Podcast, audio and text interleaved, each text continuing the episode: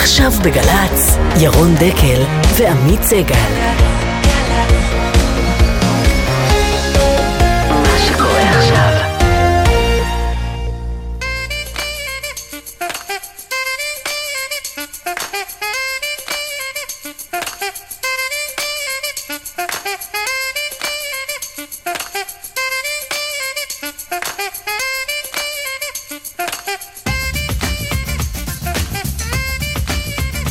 טוב עמית. בוקר טוב, ירון. ברוך אה, שובך. ברוך הנמצא. ברוכים הנמצאים. מה שלומך הבוקר? אין תלונות, תשע וחמש דקות כמעט אה, באולפן על שם אורי אורבך אה, ביפו. תגיד, אתה מריח את הריח הנפלא איזה הזה? ריח? כוח התקווה כמובן, השלום בדרך. תזכור את היום הזה, איפה היית? כשפרץ השלום. כן. אנחנו נדבר ביד על אוסף ההתבטאויות של הפיסניקים החדשים מממשלת ישראל. ממשלת נתניהו-ליברמן. ונשאל איך יכול להיות שממשלות ימין רצות בבהלה לרטוריקה שמאלנית? והאם זה אומר שהמחנה הציוני אולי אולי ועוד אולי הרצוג בדרך פנימה? התשובות המפתיעות שלנו בהמשך, וגם אימי פלמור, מנכ"לית משרד המשפטים, תהיה כאן בעקבות המתקפה, משולחת הרסן יהיו שיגידו, של אה, משפחת נתניהו פרקליטיה. ופרקליט, ופרקליטיה על uh, מערכת המשפט ועל השופטת שגרמה למדינה לשלם uh, סכומים נכבדים מאוד לעובדים שעברו התעללות במעון ראש הממשלה. על פי בית המשפט. אה, אמריקה לא נשכח אותה, השבוע הזה שבו דונלד טראמפ הפך אה, ממועמד בעל סיכוי למועמד המוביל מול המועמדת הילרי קלינטון. אנחנו נפנה כמובן מבט אה, לשם. באמת. ופינת הארכיון שלנו היום, שמונה שנים לפטירתו של, טומי לפיד. וכמובן גם שיחה בהפתעה, ערב על עשר. דקל סגל מעתה ועד 11, דן שחורי עורך, משי ג'רסי ורון רוזנבוים מפיקות, מיכאל אבו על הביצוע הטכני עד 11.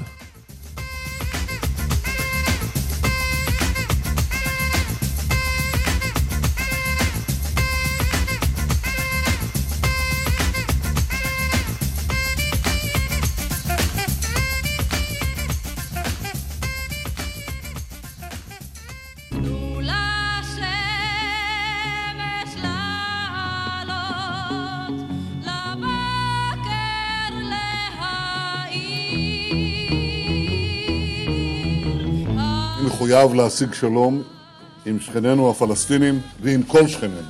אנחנו מוכנים אה, לנהל משא ומתן עם מדינות ערב על עדכון היוזמה.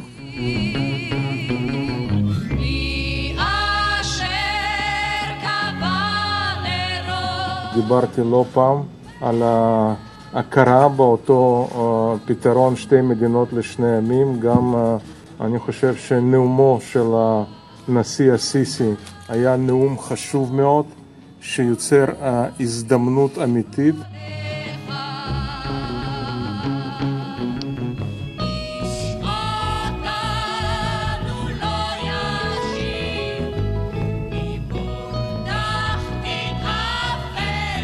כינוס של ועידת שלום אזורית, במסגרתה באמת יהיו מיוצגים כל בעלי העניין באזור, הוא מתווה חשוב, רצוי וראוי, ויש בה בכדי להוציא את היחסים בינינו לבין שכנינו מהקיפאון בו הם נמצאים.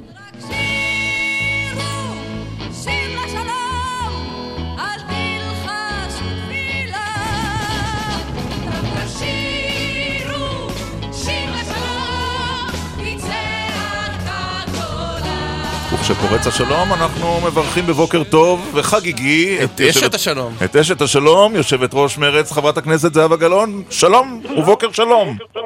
בוקר שלום, רק אני קטנת אמונה שכזו, שאני לא קונה את אה, רוחות אה, השלום שנושבות מהפיסניקים החדשים. הייתי כמה בטוח. שתביעי זה- קצת זה- יותר התרגשות. לא, זה רק מקנאה, זה ברור לי לגמרי. לקחו לך את האג'נדה. מה זאת אומרת? אה, למה אני לא קונה אותם, חברים יקרים? כמעט נעתקה נשמתי לרגע, הרי זה קשקוש. אה, אנחנו רואים שהרטוריקה הזאת של לדבר על שתי מדינות אה, תמיד נעשית לצורכי הרגעה. זה דיבורים מהפוזיציה לצורכי הסחת הדעת, לצורך קבלת אשראי בינלאומי, למריחת... את לא קונה אף לא... רגע, את- הרדיו אצלך דולק, חברת הכנסת גלאון? אין לי רדיו בגלל שהייתה תקלה ב-yes, אני לא מצליחה שיהיו לי ערוצים. אה, אוקיי. שמעתי אצלכם שזה תוקן, אבל אצלי לא, אז הרדיו סגור. את לא קונה אף לא מילה? אני לא אף לא מילה בגלל שאני חושבת שני דברים. קודם כל, כשנתניהו הכניס את, או העדיף את ליברמן על פני הרצוג, הוא עשה בחירה אסטרטגית. והוא הוכיח שאין לו כוונה ללכת להסדר. אז זה מילים חסרות משמעות. ואנחנו גם מכירים את ליברמן, מה, שכחנו כבר את סכר אסואן וכיבוש עזה וקריסת הרשות. ליברמן זה בן אדם ללא ערכים, ללא מעצורים, אין לו אלוהים, הוא כמו זיקית שמחליפה עמדות. אז מה, אני מתרגשת? מה, הוא אה, בגין, הוא שרון, רבין? מה כן, אבל את? זוכרת בכל זאת את, ה... את העובדה שאת השלום בסוף, או את הנסיגות, מביאים רק אה, אנשי הימין. זאת אומרת, אם יש ממשלה שיכולה לעשות את הדבר הזה, היא רק ממשלה של נתניהו, ליברמן, כחלון ו... ו... ולא ואנשי ממשלת. הרצוג אה, זהבה גלאון. אני גם לא קונה את האמירות האלה, אני חושבת שמספיק לנסות אה, אה, כל הזמן לדבר שרק ממשלת ימין יכולה לעשות שלום. אנחנו מדברים היום על ממשלה שהיא הכי ימנית, הכי מתנחלית, שזה נתניהו, ליברמן, בנט ואורי אריאל. מישהו באמת קונה שהממשלה הזו בראשותם תלך, אה, ל- נניח שהיא תלך לוועידה אזורית, אז הרי זאת תהיה גרירת רגליים, הרי זה יהיה מהלך שהוא כל כולו אה, למשוך זמן, הם לא באמת מתכוונים, זה לצורכי הישרדות פוליטית. אני לא קונה אותם. עכשיו, אל תטעו, אני, אני יודעת שהיו בהיסטוריה מנהיגי ימין שהפתיעו, אבל אנחנו מדברים על אנשים שהייתה להם השקפת עולם, שהיה להם אומץ, שהיה להם מניע, על מי אנחנו מדברים כאן? אני חשבתי, חברת הכנסת גלאון, שאת קצת יותר ערמומית מהתשובה הזו, ואני אומר לך מדוע. אולי יש כאן מהלך מחושב של אה, נתניהו את ליברמן לדוג את אה, הרצוג אחרי הדקה ה-90. טוב, הרצוג, אה, לא שנראה לי. שהוא כבר... אין- אה, לפי ההנחה הזו, אין לך מילים טובות לומר עליו הבוקר. מבינה איך הייתה לך מילה טובה עליי, לחשוב שאני יותר ערמומית. אין מדגה, אין דגים. אה, אמרה פעם שולה אלוני, רק דגים מתים שוחים עם הזרם. זה מה שקורה היום אה, ליו"ר האופוזיציה ולחברים שלו, שעוד חושבים או אולי מייחלים שהם יזחלו לממשלה הזאת. אני חושבת שמה שראינו בשבועות האחרונים זו פשוט פארסה. אה, דרך אגב, אני גם לא מתרגשת שיש לנו ממשלת ימין קיצונית כזאת, זה מה שהעם בחר. העם בחר ימין, זה בסדר גמור שזאת תהיה הממשלה. אני חושבת שצריך לתת לה למשול, ולמה אה, המחנה הציוני צריך להוציא את ההרמונים האלה? זאת דעתך האישית, השאלה היא האם את רואה, כמי שמסתכלת על המערכת הפוליטית, אפשרות שזה בכל זאת עומד לקרות בשבועות הקרובים. שמעת את כחלון קורא להרצוג, אחרי שהדלת נסגרה, להיכנס דרך החלון של ההזדמנויות. אבל שניכם פרשנים פוליטיים כל כך מנוסים, אני לא מדברת את דעתי האישית, יש לי שאיפות ויש לי תקוות, אני מסתכלת בראייה פוליטית מפוקחת. אז הרצוג קרא לכחלון לפרוש מהממשלה, ועכשיו כחלון צריך לתרץ את המשך הישיבה שלו בממשלה, אחרי שבוגי יעלון ואבי גבאי כבר לא יכלו לבלוע את הצפרדע הזאת, אה, אז הוא קורא להרצוג, זה הכל אה, פול גז בניוטרל, אין לי דרך אחרת. בקיצור. הכותרת לשיחה שלנו, יושבת ראש מרץ, היא אה, בוקר של אוויר חם. אה, תרתי משמע. אתה נתת את הכותרת, חם בחוץ, כן, חם בחוץ. טוב, תודה רבה לך, חברת אה, הכנסת זהבה חברת- גלאון. אנחנו נחזור אלייך כשיפרוץ השלום. תוך שעה-שעתיים. תודה, יום טוב לשניכם. תודה. לפחות גרמנו לחברת כנסת אחת. לחייך. כן. תראה, הס- ה- החלון ההזדמנויות שנפתח לצירוף המחנה הציוני, אני אישית, אתה יודע, לא כל כך האמנתי באופציה הזאת. אני- אבל אתה השאלה רואה עוד- היא אם- אתה רואה עוד עכשיו, אחרי שליברמן אני נכנס, אגיד לך למה. עד את היום, בנט עוזב ואת הרצוג נכנס? תבין, הרציונל הפוליטי של... כי בוא, רגע, סליחה, סליחה. לפני שאתה הולך לרציונל. בוא נניח, תסכים איתי, שהרצוג, גם עם בנט וגם עם ליברמן, סיכוי מאוד קטן. נכון, ולכן אוקיי, זה יפה. בדיוק הסיפור. נתניהו הולך לפי הבייס הפוליטי שלו. עד היום לא היה שום סיכוי שנתניהו, גם אם הוא מעוניין, אה, לא יודע, לה- להפוך ל... ל אני יודע, לפיסניק, ייפרד מנפתלי בנט ויקבל באופוזיציה את בנט וליברמן. כשמילת הקוד היא כש- הבייס. נכון, כשבפנים הרצוג. אבל קרו שני דברים. אחד, ליברמן כבר בפנים. אוקיי. ונתניהו אולי יכול להכיל יו"ר מפלגה ימני אחד בחוץ. בלי לחשוש שבנט ישתה את המנדטים של הליכוד? כן, כמו, שלי, כמו שהוא לא חשש שליברמן ישתה זה אחד. והשני, שבאמת היחסים ביניהם יותר עכורים אפילו משהיו עם ליברמן. כי עם, עם ליברמן זה תמיד היה קרב פוליטי, עם בנט זאת כבר אובססיה, של שני הצדדים אגב. אבל סליחה, הייתה לו עילה השבוע לראש הממשלה. אם הוא כל כך רוצה אה, ללכת למהלך כזה, על רקע כל הטענות של מזכיר צבאי לקבינט, ודיווח לשרים, להוביל את זה לפיצוץ אם הוא כל כך רצה, והוא לא ניצל את ההזדמנות הזו. נכון, אבל עדיין אז- לא היה לו את המחנה הציוני. אבל מה קורה אם למשל נתניהו אומר בסודי- בחדרי חדרים, הוא אומר לציפי לבני, תראי, בנט עוזב את הקואליציה, את שרת המשפטים, אה, הרצוג אתה שר החוץ, שלי יחימוביץ' את שרת. הכלכלה. אה, כלכלה? או כל- כן, וחינוך, אתה יודע, ייתנו ל... לא יודע, מי... אה, אז יש סיכוי. מי שם יכול, רויטל אוקיי. סואד, כבל, נחמן שי, מישהו.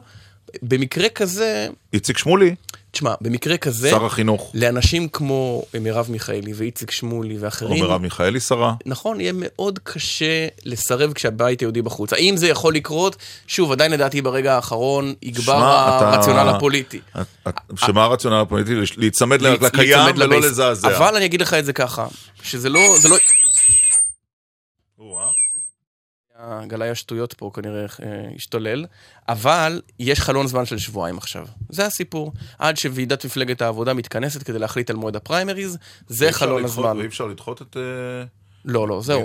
די? צריכה להתכנס ולגבש מועדים לפריימריז. יש לנו שבועיים של טוב. עוד קאמבק של הסדרה המוצלחת, אחדות בין הרצוג לנתניהו. מי שאיתנו, כן, חבר הכנסת, זה אמנון אברמוביץ'. כן, הוא איננו חבר כנסת, למיטב לא, ידיעתי. לא, אחר כך אנחנו נדבר עם חבר כנסת. שלום לאמנון אברמוביץ' חדשות- חדשות 2. שלום לשניכם. ורצינו לברך אותך גם בשלום אה, שמח. קראתי את המאמר שכתבת הבוקר אה, בידיעות אחרונות, ואתה, איך נאמר, מפקפק באפשרות הזו, אבל לא מוציא אותה לחלוטין מכלל חשבון. אני צודק? שזה- נכון. אבל אני, אני קודם כל רוצה לומר מילה על אה, הניתוח שעשה קודם עמית לגבי מסירת התיקים על ידי נתניהו כן. למחנה הציוני. הוא חילק, הוא וכאשר- לא, לא ניתוח, זה היה חלוקת תיקים שהתבצעה. כאן באולפן. כן, כן, כן, אה, צריך אה, להבהיר דבר אחד למען הסר ספק, נתניהו לא ימסור את תיק המשפטים וכל כך למה? הוא אה, נמנה עם אלה המאמינים שלשר או שרת המשפטים אה, ישנה השפעה על מערכת המשפט. נו, אבל אבל לא אמנון. הוא נתן את זה לאיילת שקד, אויבת נפשו ואויבת נפשה של שרה. כן, כן, זה נכון, הוא נאלץ לתת, אה, לדבריו הוא אפילו נסחט לתת, ועדיין על איילת שקד הוא סומך שלא, שהיא לא תפגע בו פגיעה אישית וישירה. הוא לא ימסור את זה לציפי לבני ולא לאף אחת או אחד מהמחנה הציוני. חוץ מזה, הכל פתוח. אז איך אתה קורא בכל זאת את האמירות הפיסניות, פיסניקיות האלה של אה, ראש הממשלה, שר הביטחון הנכנס ויושב ראש כולנו, שר האוצר, שגם הוא הפך לאיש מדיני בשבוע האחרון? מפייגליניסט לאיש שלום תוך שבוע. שאל אותי כיצד.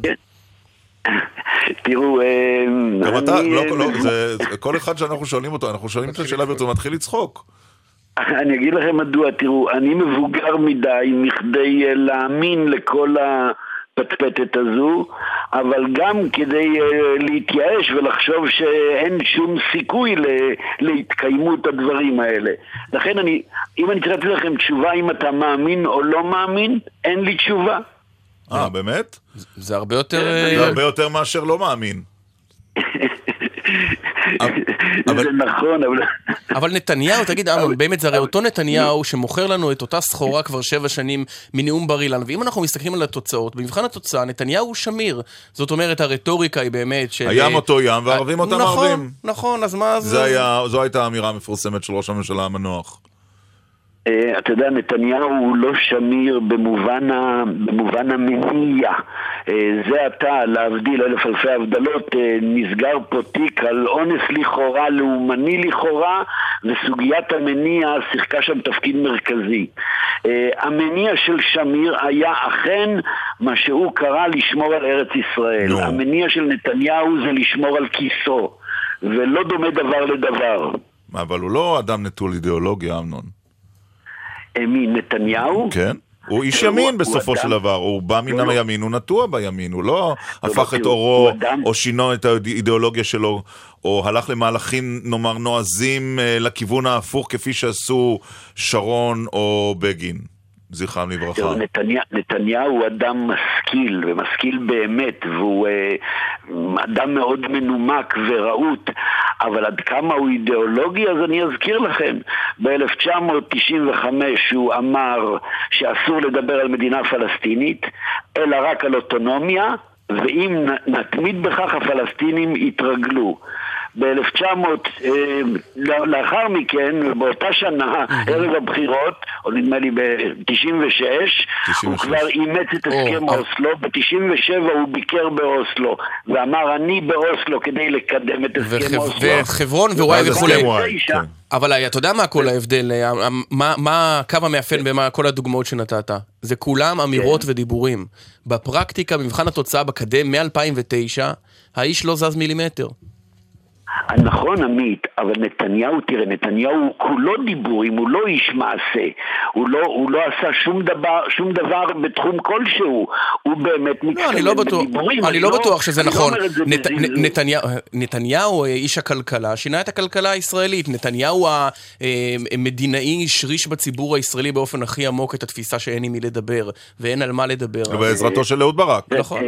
אה, בואו לא נשכח את אה. העניין הזה. לגבי נתניהו, לגבי נתניהו והכלכלה, נתניהו כשר אוצר עשה צעדים אמיצים, חסרי תקדים, אבל היה לו וואחד גב, היה לו את הגב של אריאל שרון.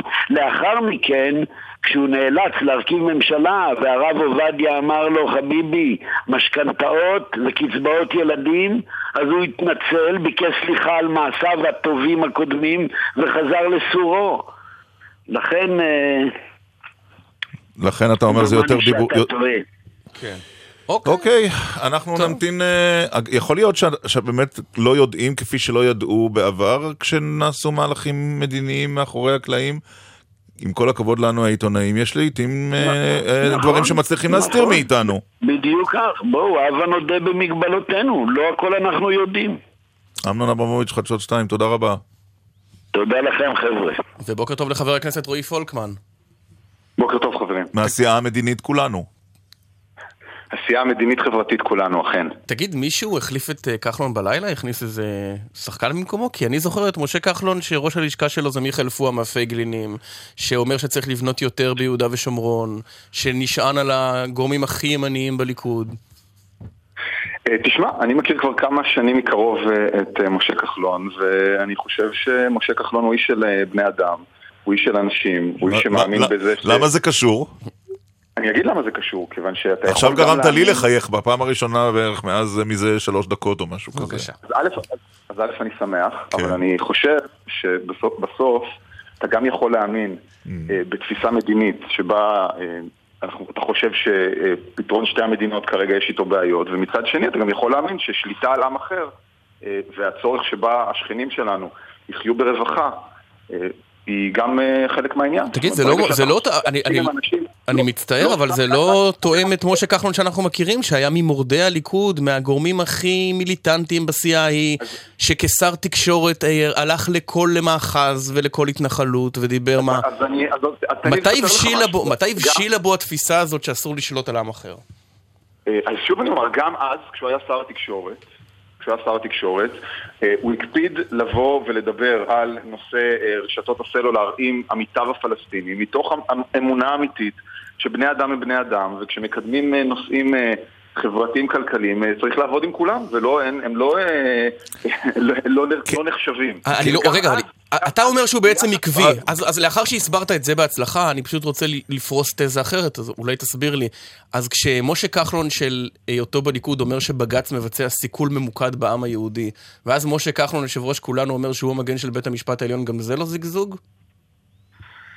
אה, לא, אני לא חושב, זאת אומרת, אני לא מכיר את הציטוט הזה, אבל... אז אני יכול בוא לומר- אני אני אקרא לך, למי שמצטרף אלינו עכשיו. לא, עמית, אני לא, אני מאוד מאוד סומך על, אה, על המובאות ההיסטוריות. אני רק אומר, אני רק אומר שהתפיסה החברתית שאומרת גם שבית המשפט הוא מגנם של החלשים ושצריך לשמור על מערך בית המשפט, ושתיים, שצריך להסתכל על אנשים בכל מקום כאנשים. אז כשבג"ץ, אז כשמשה כחלון אומר שבג"ץ מבצע סיכול בעם היהודי ב-31 במרס 2005, אז הוא אומר את זה כמחמאה? אני- זאת אומרת, כ...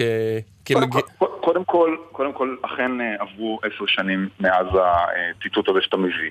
ואני חושב שהיום אה, משה כחלון הוא ראש מפלגה חשובה, אה, ששמה לנגד עיניה צמצום פערים בישראל ובחברה הישראלית, ותמיד הוא היה איש חברתי. רואים את זה בכל דבר שהוא עושה.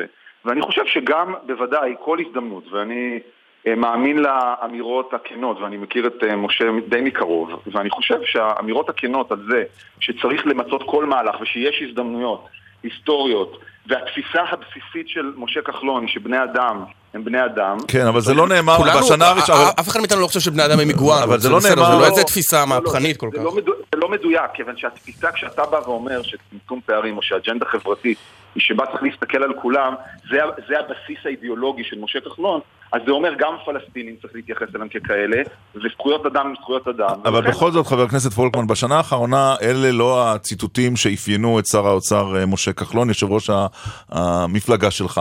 והוא חתר להרחבת הבסיס הקואליציוני, כי אה, כשר אוצר ראוי שיהיו יותר תומכים ולא ייסחט שר האוצר או ראש הממשלה על ידי כל חבר כנסת בודד בקואליציה. הנה הורחבה הממשלה, יש 66 אה, חברי כנסת שתומכים בה, לכאורה המטרה של כחלון הושגה. אז למה לא נוח לו בהרכב הנוכחי של הקואליציה? למה הוא כל כך זקוק להרצוג שם בעצם? קודם כל אין ספק שהאג'נדה שלנו ועליה רצנו, ואתה אומר על מה התבטאנו בשנה האחרונה או מה התבטא כחלון בשנה האחרונה, זה על הנושאים שעליהם הם- המצביעים שלנו בחרו בנו, שהם עוסקים מהדיון על יוקר מחיה ועד המרכיב האידיאולוגי של צמצום פערים. זה נכון, עד כאן. שתיים, זה לא סוד, שגם אני חושב שגם משה כחלון ובוודאי אבל סיעת כולנו, כי מה שאתה תרצה בשפה. אה, שלאחרונה בגין אה, אה, הציף ימין מתון. תפיסת עולם של ימין מתון. חשבתי שתגיד מישמש של קולות. לא, אז אני לא חושב, בוודאי אוקיי. לא ראש המפלגה. ימין לא מתון, המפלגה, כי אה, אה, אולי להשתמש ברטוריקה של בגין, היא רוצה להקים מדינת אש"ף. זה גם הוא אמר בריאיון שלשום. לא, אני לא חושב שזה, בגין אמר את זה. אני כן, רק כן. אומר, אני חושב שתפיסת העולם, תפיסת כן. העולם הזאת, שבאה ומשלבת בין תפיסה חברתית אידיאולוגית לבין תפיסת עולם של ימין מתון, עדיין אומרת, לא סתם מי שהביא עד היום הסכמי שלום זה ממשלות ימין. כן, אבל אבל אני לא מצליח להבין. אה, אה, אתה יודע מה, אני אציע לך תזה אחרת. לא, אבל מה, רגע, רק, רק כן, משפט. מה, מה מסובך בלהאמין שהבסיס האידיאולוגי של בן אדם הוא תפיסת עולם חברתית של בני אדם. ובה הוא אומר, תראו חברים, זה כמו שזה נכון כשאני מטפל בפנסיות, ואני רוצה שזה לא ילך רק לקבוצה אחת סקטוריאלית, למה זה שונה כשהוא אומר, אני מסתכל גם על הפלסטינים ככה? כן, אבל זה- אבל- לתפוס- אבל זה קצת שונה, לא כי כי מתעלם. בשנה האחרונה הוא אמר שהוא לא יטפל... רק אולי אדייק את הפער האידיאולוגי בין- התפיסות. יש את התפיסה שאומרת, אין מה לעשות, המצב העכשווי הוא מצוין, מעולם לא היה לא, אבל, של... אבל 13 שנה לא שמענו ממנו מילה. עכשיו, יכול להיות שזה קצת קשור למשהו אחר, שבסופו של דבר מחירי הדיור ממשיכים לעלות, ומבחינת משרד האוצר לא, הוא זה- מתקשה להשיג ממש- הישגים, אז הולכים לנושא לא, המדיני. לא. אני, אני, ממש, אני ממש ממש חושב שהגישה הצינית הזאת, בוא, בוא נעשה? הבחנה. כן, צינית, כי אתה אומר זה ספין. אתה אומר זה ספין, אתה אומר... אה, אם אנחנו אתה לא אומר את זה ככה, אז כן, כן, נכון. ספין, נכון. אז, קודם כל, אז קודם כל אני אגיד פעמיים אנחנו למה... מוקפים בספינים, זה לא דבר פסול. קודם כל, אפשר להגיד הכל, רק אני חושב שהגישה האובר צינית כלפי פוליטיקאים, אני מבין למה יש לה על מה להסתמך בשבועות האחרונים, אבל אה. אני חושב שמשה כחלון הוא לא פוליטיקאי ציני. ואני אגיד את אוקיי. זה בשתי מקומות. אחד, לגבי הדיור אני לא מסכים איתכם, אני חושב שבנושא היעד שהוצב של זוגות צעירים, ההצלחות הן פנומנליות. אבל המדינה, אבל נכנסים למיתון, אתה רואה שאנחנו גולשים למיתון באיטיות, זה לא רגע, היה שלא אבל- אשמתו של לא כחלון, אבל זה קורה. אמרת, עכשיו על מחירי דיור, ואני אומר לך שבמחירי דיור אנחנו מסתובבים ערב ערב במפגשים עם צעירים שנכנסו לפרויקטי מחיר למשתכן, ובשנה אחת נעשתה כאן מהפכה שלא נעשתה 15 שנה. אז אחד, אני לא מסכים לאמירה שיש בעיה עם אה, תוכנית הדיור, יש עקביות, יש הצלחות. לגבי הדיון השני, אה, משה כחלון היום הוא ראש מפלגה חשובה בקואליציה, גדולה וחשובה בקואליציה. ומתוקף זה, אחד הדברים היפים אצל משה כחלון זה שהוא ממוקד בעשייתו. כשהוא היה שר לפני עשר שנים, כשהוא היה חבר כנסת לפני עשור, הוא התעסק במה שהוא התעסק אז, בנישות שאז הוא התעסק בהן. היום הוא ראש מפלגה מרכזית, הוא, מסתכל, הוא שר האוצר של מדינת ישראל, הוא מסתכל על כלל של האתגרים של מדינת ישראל. היום זה תפקידו, אז זה לא היה תפקידו. ועכשיו כן. בא ואומר חלק מצמיחה כלכלית. אתם יודעים, אנחנו מילה אחת על יום ירושלים. כן. אה, אני הרבה שנים התעסקתי בענייני ירושלים, ומדברים הרבה למשל על, עכשיו על תוכנית גדולה שאנחנו קידמנו להשקעות כלכליות בעיר. מדברים על תיירות. אז אם נרצה תיירות, הרי אם יהיה מתיחות ביטחונית ובעיות ביטחוניות, כל המאות מיליונים שמדברים עליהם בישראל על, על תיירות הרי זה, זה לעג יפה לרש. לקחת את האמירות של כחלון על זה שצריך יוזמה מדינית וכולי, לעניינים של ירושלים והבנייה בירושלים. אבל אה, ניחא. לא, כי אני חושב, אני חושב שהשיח היום של שר אוצר, שהוא רואה אחריות על כלל מדינת ישראל, החיבור בין שילוב ערבים, אתם, למה, למה אתם חושבים שאם הוא כזה ציני, למה, למה הוא קידם תוכנית לשילוב ערבים, התוכנית היסטורית לשילוב ערבים בחברה הישראלית? כי התפיסה הממלכתית שמוביל משה כחלון והחברתית אומרת שכמו שצריך לצמצם פערים עם החברה הערבית בישראל, גם כי זה נכון וגם כי זה טוב. עתיד הכלכלה הישראלית, כנ"ל אני אגיד זה לך... מדיני.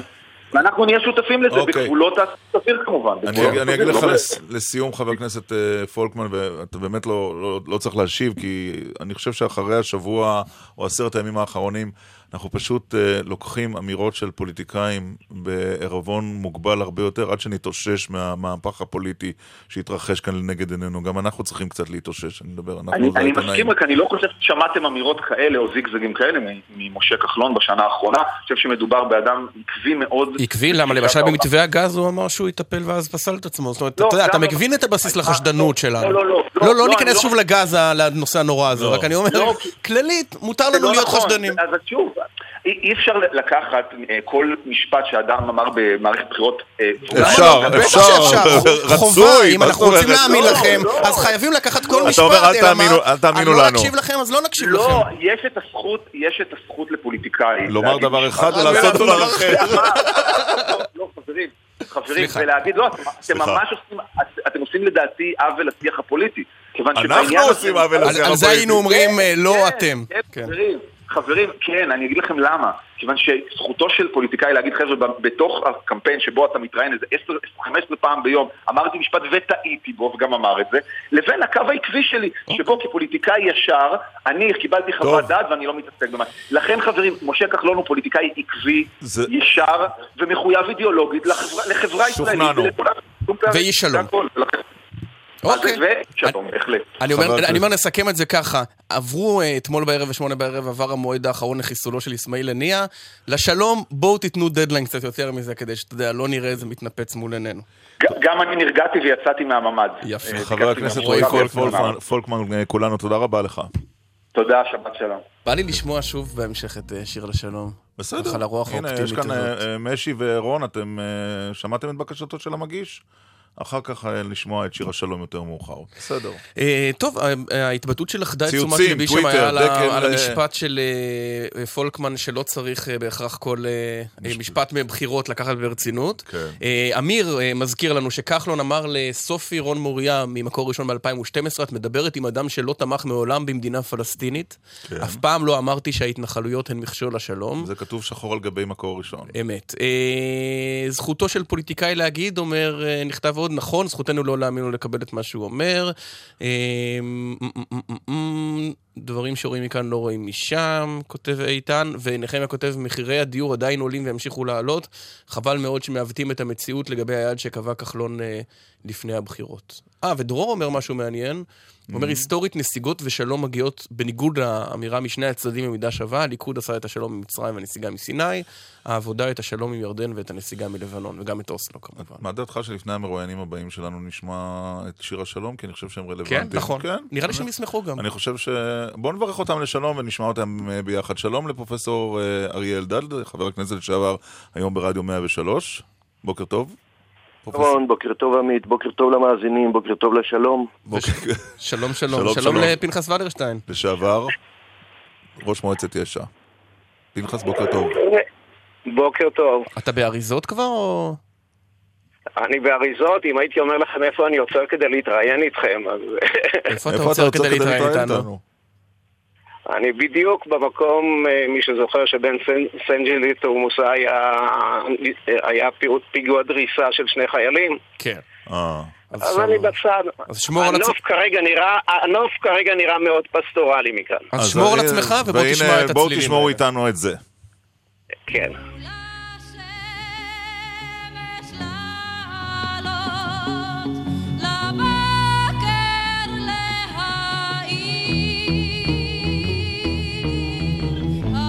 מחויב להשיג שלום עם שכנינו הפלסטינים ועם כל שכנינו. אנחנו מוכנים אה, לנהל משא ומתן עם מדינות ערב על עדכון היוזמה.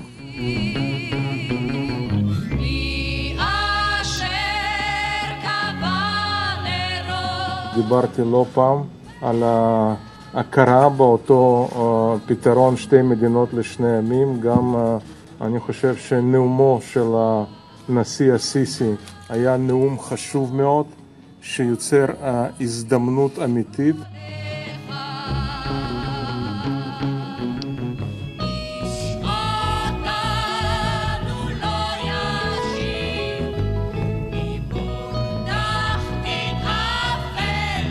כינוס של ועידת שלום אזורית, במסגרתה באמת יהיו מיוצגים כל בעלי העניין באזור, הוא מתווה חשוב, רצוי וראוי, ויש בה בכדי להוציא את היחסים בינינו לבין שכנינו מהקיפאון בו הם נמצאים. אריה אלדד, איך זה קורה? תראה, כתבתי על זה ספר עכשיו, ספר שנקרא דברים שרואים מכאן, מה קורה למנהיגי הימין כשהם מגיעים לשלטון. אני כבר מתנצל שלא הספקתי לקרוא. אני הספקתי וממליץ. אוקיי, מה כתבת בספר? מסתבר שרבים מהם משנים את דעתם לא כיוון שהגיעו לשלטון, אלא כדי להגיע לשלטון. אבל הנה, הם בשלטון. כאלה... הם בשלטון, ליברמן שר הביטחון, למה הוא צריך לה... הנה, הוא להכריז. להכריז שיוזמתו של א-סיסי היא דבר מופלא? משה כחלון הוא שר האוצר, פסגת שאיפותיו, הגיע לשם, למה הוא צריך לספר לנו על אה, ועידה אזורית? למה זה קורה, אריה אלדד? למה אתה חושב שזו פסגת שאיפותיו של ליברמן או של כחלון? למה אתה ממעיט מערכם וחושב שאינם רוצים להיות ראשי ממשלה? ולכן הד- הם הדרך רוצים לראש להיות ממשלה... ולכן לא. הדרך אה, ולכן- באמירות כאלה שלא מאפיינות את האידיאולוגיה שלהם? לא, אבל אה, אה, אריה, זה משהו... תעזוב, הם, נטולי אידיאולוגיה. אל, אל תאשים אותם באידיאולוגיה, זה לא יפה. זה ממש לא הגון להאשים את ליברמן באידיאולוגיה. אני עוקב אחריו הרבה שנים, מכיר אותו מ-2003 מקרוב, מאותה סיעה, האיש חף מאידיאולוגיה. אבל הוא תמיד ידע להצטייד בדימוי הנט הטורף, כי הוא מאמין ששם המצביעים שלו... ואולי פנחס ולרשטיין, דימוי הנץ הטורף נובע מזה שלימין הישראלי, עזוב את שאר החברה הישראלית, לימין הישראלי יותר חשוב היום לדבר נגד הערבים מאשר לדבר בעד אה, ההתיישבות. בוא, אה, אתה צודק, אבל יותר גרוע מזה, בוא נגיד אה, לכיוון הפוך. הימין הישראלי תמיד הייתה בו קבוצה שהפילה את שלטון הימין. ולכן אה, מנהיג בימין, בין היתר, צריך להביא בחשבון גם את הנקודה הזאת שלא כדאי לו להיות בידיים של אה, מישהו בודד או קבוצה שעשויה להפיל אותו. ואתה מזהה בממשלה הנוכחית, בהרכב של אה, ישראל ביתנו ושל בנט, הליכוד, כחלון שבא מהליכוד, אתה מזהה שם מישהו כזה? את החלק ההומוריסטי שלך לא הצלחתי לה- להכיר עד היום. מי- מי כן, החוליה-. מי החוליה הרופפת שעשויה להפיל את. שלטון הימין? בוא נגיד בעיניך? ככה, אני אמשיך, אני אמשיך את הקו של אריה אלדד, הרי ברור שבנט רוצה להיות ראש ממשלה, נכון? נכון. הוא לא נתפס לכן, השבוע אה, אבל בהכרזות של שלום. נכון. לא, נו, אבל הוא רוצה להפיל לא, את הממשלה. אבל הוא נתפס, באח... הוא, הוא נתפס בה- באח... בהכרזות של לראות שאני יכול להיות המנהיג ואף אחד לא יכול להסתדר בלעדיי. כן, אבל השאלה, פנחס ולרשטיין, אם זאת לא עדות לפשיטת רגל של הימין, אה, שבסופו של דבר, הנה, קמה הממשלה שחלמתם עליה ונהייתה 66 חברי כנסת נחושים, במקום להודיע... מוגרו אנחנו- כולם, לא, עוד להודיע- מספחים את עכשיו, את או, מעלה אדומים. אנחנו נפרוץ עכשיו במסע של התיישבות וביוזמות חדשות להרחבת ההתנחלויות, כי זו עמדתנו הצודקת, אנחנו בשלטון, ולשם איזה- כך נבחרנו. הם לא אומרים את זה. איזה, איזה כיף, בואו נתעלם מכל מה שקורה בעולם, בואו נתעלם מתקופת אובמה, מתוצאות הבחירות בארצות הברית עד ה-20 ב- בינואר שהוא עוזב את הכיסא. בעניין איראן נתניהו בהחלט התעלם מאובמה. בעניין איראן הוא בהחלט התעלם מאובמה. נכון, לא, אני עכשיו אומר את הדעות שלי, לא של נתניהו. אה, אוקיי. אני אומר את הדעות שלי, ובדעה שלי, אנחנו עלולים מאוד להיות בלחץ בלתי נסבל, שייצור תקדימים היסטוריים מאוד קשים על מדינת ישראל בין תוצאות הבחירות בארצות הברית לבין עזיבתו של אובמה. והשיקול מה קורה בעולם ומה היכולת שלנו למנוע מהלכים בלתי הפיכים של החלטות בינלאומיות, הוא אוקיי. חלק משיקול של אז זה תמרון טקטי, אתה לא- אתה לא? מודע- אתה לא מודאג במשפט, אתה לא מודאג מזה. עמית, אתה מכיר אותי מספיק שנים, אני לא מפסיק להיות מודאג רגע אחד. אז מה אתה אומר לי, אני לא מודאג? מפלס הדאגה. לא עלה יותר מ... אבל אריה אלדד, לא, אני לא מודאג, אני לא מודאג מעתיד ההתיישבות ביהודה ושומרון. אני לא מודאג אוקיי. מעתיד ההתיישבות ביהודה ושומרון. אריה אלדד, אני חושב, כן. אני חושב, אני חושב ש, שהרי כל החברה הישראלית לא תסכים בשום פנים ואופן על המינימום, המינימום, המינימום של שהפלסטינאים רוצים. לא אוקיי. נסכים לעולם לוותר על השכונות היהודיות בירושלים, לא נוותר על מעלה אדומים, לא נוותר על גושי ההתיישבות, נכון? אריה אלדד, אתה חושב אה. כמו ולרשטיין שהכל שאלה של עיתוי? כי תמיד העיתוי לא מתאים להכריז על גל בנייה אה, ראוי ורצוי בהתנחלויות ביהודה ושומרון. אף פעם העיתוי לא, לא הולם. נכון, ואחד המילים שצריכה להוציא מחוץ לחוק זה דווקא בעת הזאת. בדיוק. אני- כלומר, אגב, זה... תמיד רוצים בדיוק. לבנות איזה פקקט בית בסילואן, ודווקא בעת הזאת מצאתם לבנות בירושלים, באמת לא יש, שומו שמיים. אבל אה, אני לא טוען שאסור למנהיג אה, להפעיל אה, פרגמטיקה פוליטית, אבל אה, הוא חייב להיות מצויד באידיאולוגיה שאליה הוא חותר. אחרי בגין ושמיר אין לנו אידיאולוגיה ככוח מניע של ההנהגה. למה יבוא אליך, אה, אריה אלדד, יבוא אליך בנימין נתניהו בעוד עש- עשר שנה או שלושים שנה, מנעתי להיות ראש מדינה ממשלה, פלסטינית. ויגיד, רבותיי, אני בחוכמתי, בניגוד לאריה אלדד וחבריו, אני תמרנתי כל הזמן, אבל בסוף שמרתי על המטרה, אין מדינה פלסטינית, מיגרתי את החזון. הזה, יש התיישבות. היא יש- פורחת. מה תגיד לו אז? צדקת. אני אגיד לו שמה שאומר מנהיג זה מעשה מדיני חמור, קשה או מועיל, לא פחות ממעשיו בפועל, כי הצהרה של מנהיג זה גם שטר. זה גם משהו חתום. גם אם את השטר על רמת הגולן שנתן נתניהו בכיסו של רון לאודר לא פרעו עד היום, השטר קיים ויבואו וינפנפו אותו מול מנהיגי ישראל. ואם אה, אה, חלילה ישתנה המצב בסוריה, יבואו ויגישו אותו לפירעון. ולכן הצהרות של מנהיג זה דבר שיש לו קיום, דבר חשוב, ולכן אי אפשר אז איך זה להתעלם תמיד הימין מצמיח מנהיגים שבסופו של דבר שמים את השטר הזה וחלקם גם פורעים אותו, פרופסור אלדד? איך אתה מסביר את זה? למה לשמאלנים זה לא קורה? הטיעון שהתמודדתי איתו היה שברגע שהם מגיעים לשלטון ופתאום מגלים עולם שיש בו ארצות הברית ו- ואירופה ולחצים בינלאומיים והם מבינים שכל מה שהם אמרו עד היום היה טוב בתור סיסמאות כיכרות אבל לא בתור מדיניות, אין להם ברירה אלא לאמץ את מדיניות שלום עכשיו. זאת הייתה טענה שהתמודדתי איתה. אני חושב שיצחק שמיר הוא היוצא מן הכלל, המכחיש את הכלל הזה. הוא מוכיח שאפשר לעשות תמרון טקטי ב- ב- בדמוי הליכה לוועידת מדריד בלי לוותר על משהו עקרוני, אבל לא לוותר אז על מה שאתה אומר לא לאנשי... אה, ולא מהאידיאולוגיה. מה שאתה אומר לשמאלנים המצביעים לשמאל, אל תצביעו לשמאל, כי בסוף הימין יהיה שמאל. תצביעו למפלגות הימין. וכך יגשים את מדיניות שלום עכשיו. זה מה שאמרת כאן. מה שאמרתי כאן זה שהיום בשביל לראות את ההבדל בין אה, אה, התוכנית המדינית של נתניהו והתוכנית המדינית של הרצוג, אתה זקוק למיקרוסקופ אלקטרוני. פרופסור. טוב, נראה לי שהבנו פחות או יותר. אז אה, נברך אתכם בשלום אה, שמח. רגע, ברשותכם, שלום רק אה, שמח. משפט. כן. אפשר להתייחס משפט? בטח, בוודאי, בטח. כן, בוודאי, ודאי. כן, בואו בוא, בוא לא נתבלבל כשאנחנו צועקים על הקפאה. אני מתאר לעצמי שיש לכם מספיק כלים לבדוק האם הייתה הקפאה השנה ביהודה ושומרון או קצב הגידול היה יותר גדול מכל שנה אחרת. ותשובתך? תשובתי היא שהשנה הייתה קצב גידול לא פחות מכל השנים שהיו עד עכשיו וככה זה גם יימשך ולא צריך להלך אימים על הציבור וגם צריך לזכור שמי שהפיל את שמיר זה היה מפלגות הימין כן. ומי שהפיל את תחייה זה תת מפלגה בימין שאפילו את התחייה לא הייתה מוכנה לקבל ולכן התחייה לא עברה את אחוז אוקיי. החסימה. כשאתה אומר לא להלך אימים על הציבור- אתה לא מתכוון לא להלך אימים על הציבור בסיסמאות שלום. זו הייתה קריאה שמיועדת לקורא, למ- למ- למאזין. נפתלי בנט, כן, כן, זה הבנו. לא, ברור. תודה רבה, פנחס ולרשטיין, פרופסור יום אריה. אלדד, תודה רבה לשניכם. תודה רבה.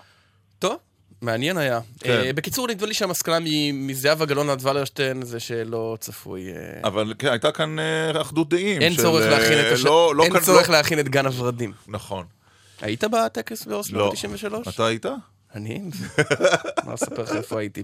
טוב, עכשיו... עכשיו קצת אחרי רבע לעשר, זו הזמן וזו העת. אה, רגע, היה כאן אירוע בשבוע שעבר שרציתי להחליף איתך מילה מה, לפני בבקשה, כן. כן. כן, כן. אה, היה כאן אה, שיחה בהפתעה, שמעתי איש שאתה חרוץ יוצא את חדשות הדברים שאתה- מהקשרם כמו ליאור עיתונאי. לא, והוא סיפר כן. שהוא החבר הטלפוני של עמית סגל, כשהוא מסמס לך תוך כדי כשהוא מזהה, והוא מסיים, אמרתי, אולי אני צריך לשים לא, טלפונים. הוא אחר כך, הוא אחר כך חזר בו ואמר איפה? שהוא לא זה הובן היה רק נכון. בציוץ הוא לא- אליך. הוא לא פורש נכונה. אה, לא, אבל. ברצינות, אה, האמת שעד שוואטסאפים מגיעים לוקח בדרך כלל איזה דקה, אבל באמת אני לא מסתמך על אף אחד. לא, זה- זה להוכיח- בסדר. כדי להוכיח את רצינות טענותיי, כדי להוכיח את אתה רצינות טענותיי, הנה, אני משליך אותו אתה מנתק אותו, הוא משליך אותו. בבקשה, בוקר טוב לך או לך.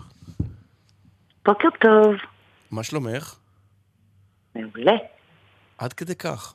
למה מעולה? מה... מה בדיוק? מה יום מה מיומיים? גורם, חו- חוץ מהשלום? לדבר איתכם זה פשוט עושה לי את הבוקר, זה מעולה. וואה. הכל מתחיל להיות כן. מוכר. איפה מה- אנחנו תופסים אותך? אה, באזור אורבני. באזור... טוב, בוא נתחיל לשאלות. האם את- אה, את בתחומי הבמה? בתחומי הבמה והאומנות? אה, סוג של גם. סוג של גם. תקשורת? לא ממש. לא ממש. גם. גם תקשורת, גם במה? בישול בטלוויזיה? טיגון. טיגון? טיגון בטלוויזיה? היא מטגנת מרואיינים. אה. היא מטגנת מרואיינים. או-אה. זה לא אילנה דיין. לא, זה לא נשמע לי כמו אילנה דיין. אה, וואו. אה, תגידי לנו עוד משהו, אנחנו ממש... עמית אפילו... אה, הטלפון בצד. עכשיו, לא, עכשיו, לא, דוד. לא. ליאור פרידמן, ערוץ 2, איפה אתה כשצריך אותך? סמס לנו, אנחנו לא רואים. טיגון מרואיינים. לא, אה, או שאין טיגון אחר. Bake Off ישראל זה לא קרין גורן. אה, לא, זה לא קרין גורן. זה טיגון ב- באופן מטאפורי, נכון? ברור, נו ודאי. כמובן, כמובן. אה, גם הקול שלי הוא מטאפורי עכשיו. הקול שלך לא מטאפורי. את בטלוויזיה? לא. אה, כן. את בטלוויזיה. גם עמית בטלוויזיה. כן. אה, הכי קל זה לשאול באיזה ערוץ. באיזה ערוץ? רגע, לא, לא, תניח, תעזוב את הטלפון. הוא כבר לוקח לא, את לא, הטלפון. לא, פשוט הוא במקרה. כדי לכבות את הרטט. טוב, אנחנו, מה, נודיע שאנחנו, עברו כבר ארבע שלוש דקות, אנחנו נכשלנו. לר- לראשונה. תני לנו איזה רמז. תני לנו רמז, כן. אה, הייתי פעם פרטנרית של עמית. פרטנרית של עמית, זה נהיה כן, יותר ויותר מעניין. אה, ב- ב- אה, אולי בערוץ הכנסת, בזוג אופרת, הייתה לך פרטנרית... אה, מה שאני זוכר. אה, איפה עוד הייתה לך פרטנרית? באיזשהו שידור? של. סוג של? וואו. וואה, טוב. אנחנו נעל... את בערוץ 10. הלו? לא, לא אושרת קוטלר. לא, גם לא. לא, לא זכור לי. וגם לא תמר, תמרי שלום. זו תמרי שלום? לא. לא. זה לא תמרי שלום. נו, מה פתאום. טוב. בוקר טוב. אנחנו- אנחנו מרימים ידיים. אנחנו מרימים, אה, פעם מניפים ראשונה דגל. לדעתי. כן, מזו שנה. אה, בסוף בסוף מאי חגגנו שנה. נכון. לא שמנו, אפילו לא ציינו את זה, לא חשוב. טוב, אנחנו מזל מבק... טוב. אז אנחנו מבקשים ממך לחשוף את זהותך אחרי כישלון צורב שיחשב לנו לדיראון עולם.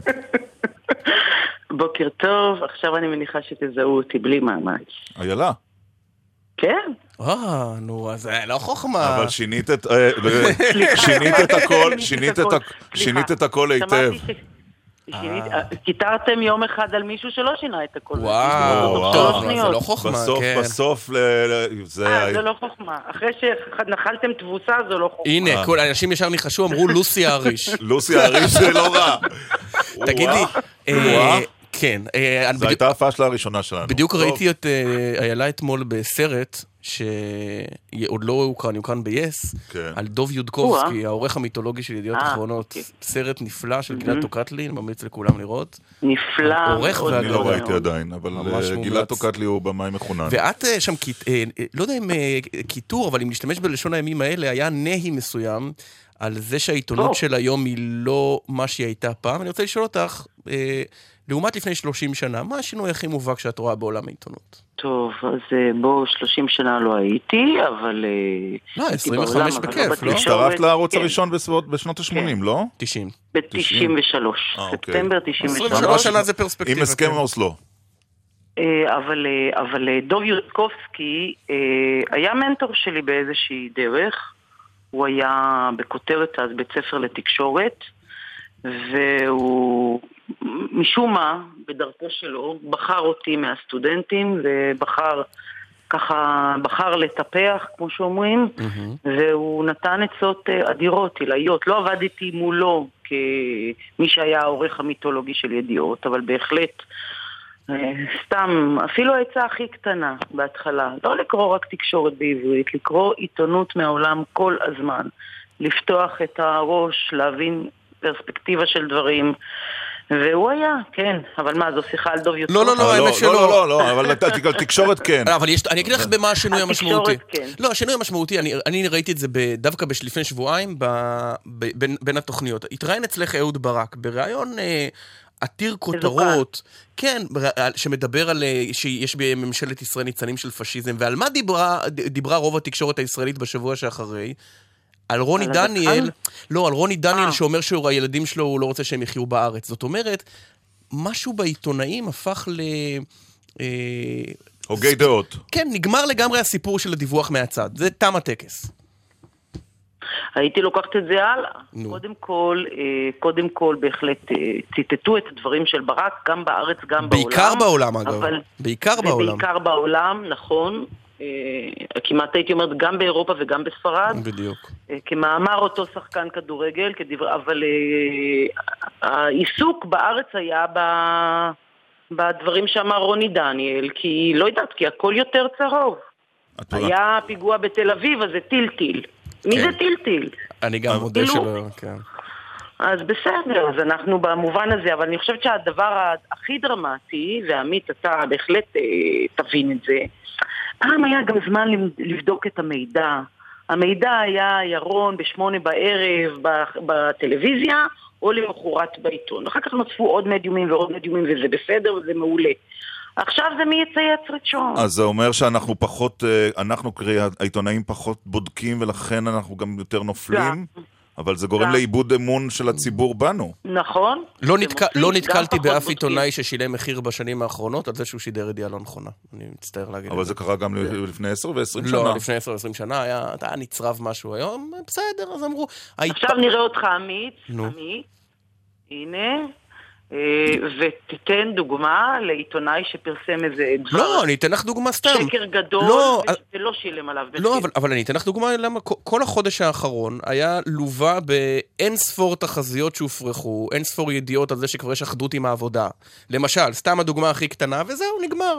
עכשיו, ו- ויום אחרי אנחנו כאילו ממשיכים הכל כרגיל. טוב, לא, רגע, יש הבדל בין פרשנות פוליטית שגויה, והערכה לבין לא עובדה לא נכונה. לבין עובדה לא נכונה. אני, אני רוצה אבל כן, שניקח נכון. ניקח רגע, איילה, את, ה- את הדיון קצת אקדמי על העיתונות. אני רוצה לשאול על תחושותייך במלאת כמה וכמה חודשים למעבר הדרמטי לערוץ 10, וגם איך את רואה את הניסיונות של התאגיד הציבורי החדש לקום על, על, על רגליו. את יכולה אה, להחליט טוב, במה לפתוח. שאלות, אה, שתי שאלות מאוד כבדות. ערוץ 10 זה מקום מצוין לעבוד בו, ואני מאוד שמחה לעבוד בו. באים לעבוד, באים לעשות עבודה עיתונאית. וזה דבר שהוא נפלא והוא כיפי, והצוות שלי במגזין שישי זה דבר שמאוד משמח אותי. אני רואה את התחקירניות ואת המפיק וכולי, אני באה בבוקר... לא היה בך בשום שלב הרהור של. חרטה? לא, לא במובן הזה. אני מתגעגעת לאנשים שמאוד יקרים לי, ואני שומרת איתם על קשר. בשבוע שעבר עשינו איזשהו מפגש אפילו, כמה חברים, ו... וזה, ו- ואני שומעת גם ירון את ה... כמה מהם מצלצלים על חוסר הוודאות ועל הדאגה, כן. ומה יהיה עם הפרנסה, נכון. ומה יהיה עם זה. אז זה מאוד לא, טוב. אני מדבר אבל גם על המעבר ממקום שהוא ציבורי ואיננו תלוי רייטינג, וצריך לומר ולשדר את מה שחשוב בעיני אלה שעושים את המלאכה, ושם היית רוב שנותייך בעיתונות, לבין מקום שבראש ובראשונה בודקים, רגע, רגע, מה אומרות, מה אומרות הטבלאות ואיך זה משפיע. השיח שם הוא אחר בערוץ מסחרי. כן, רגע, הוא- נגמרת לנו תכף קודם- השעה, אבל אני רוצה ש... אני, אני רוצה שבכל זאת לשמוע את התשובה כן. בבקשה. ניפגש. אה, ב- בזווית שאני עובדת עליה, וגם אה, מול האנשים שאני עובדת איתם, אז מה, זה, מה שחשוב שנביא כל שישי סיפור עיתונאי טוב, שיהיה על הפולו וכולי, ואם תהיה לזה רלוונטיות, זה ימלא את ליבנו באושר. וזהו, בסך הכל בהשוואה לחציון הקודם, הם אומרים לי של השנה הקודמת, שיש עלייה. אז התוכנית עלתה ב-20 אחוזים. בסך הכל יש שישי כן. חזק יותר, שישי חזק פחות, אבל בסך הכל מבחינה עיתונאית אנחנו בדרך. אוקיי. ואיך אנחנו יודעים את זה? נו. מנסים לארגן לנו כל מיני סיכולים ממוקדים. ולא שיהיה בהצלחה, איילה חסון. שיהיה תודה, בהצלחה. תודה רבה. תודה עמית, ותיתנו בונוס למפיקות, אני מקווה שלא תכעסו עליהם ניתן שהם בהחלט. אלו. ביי.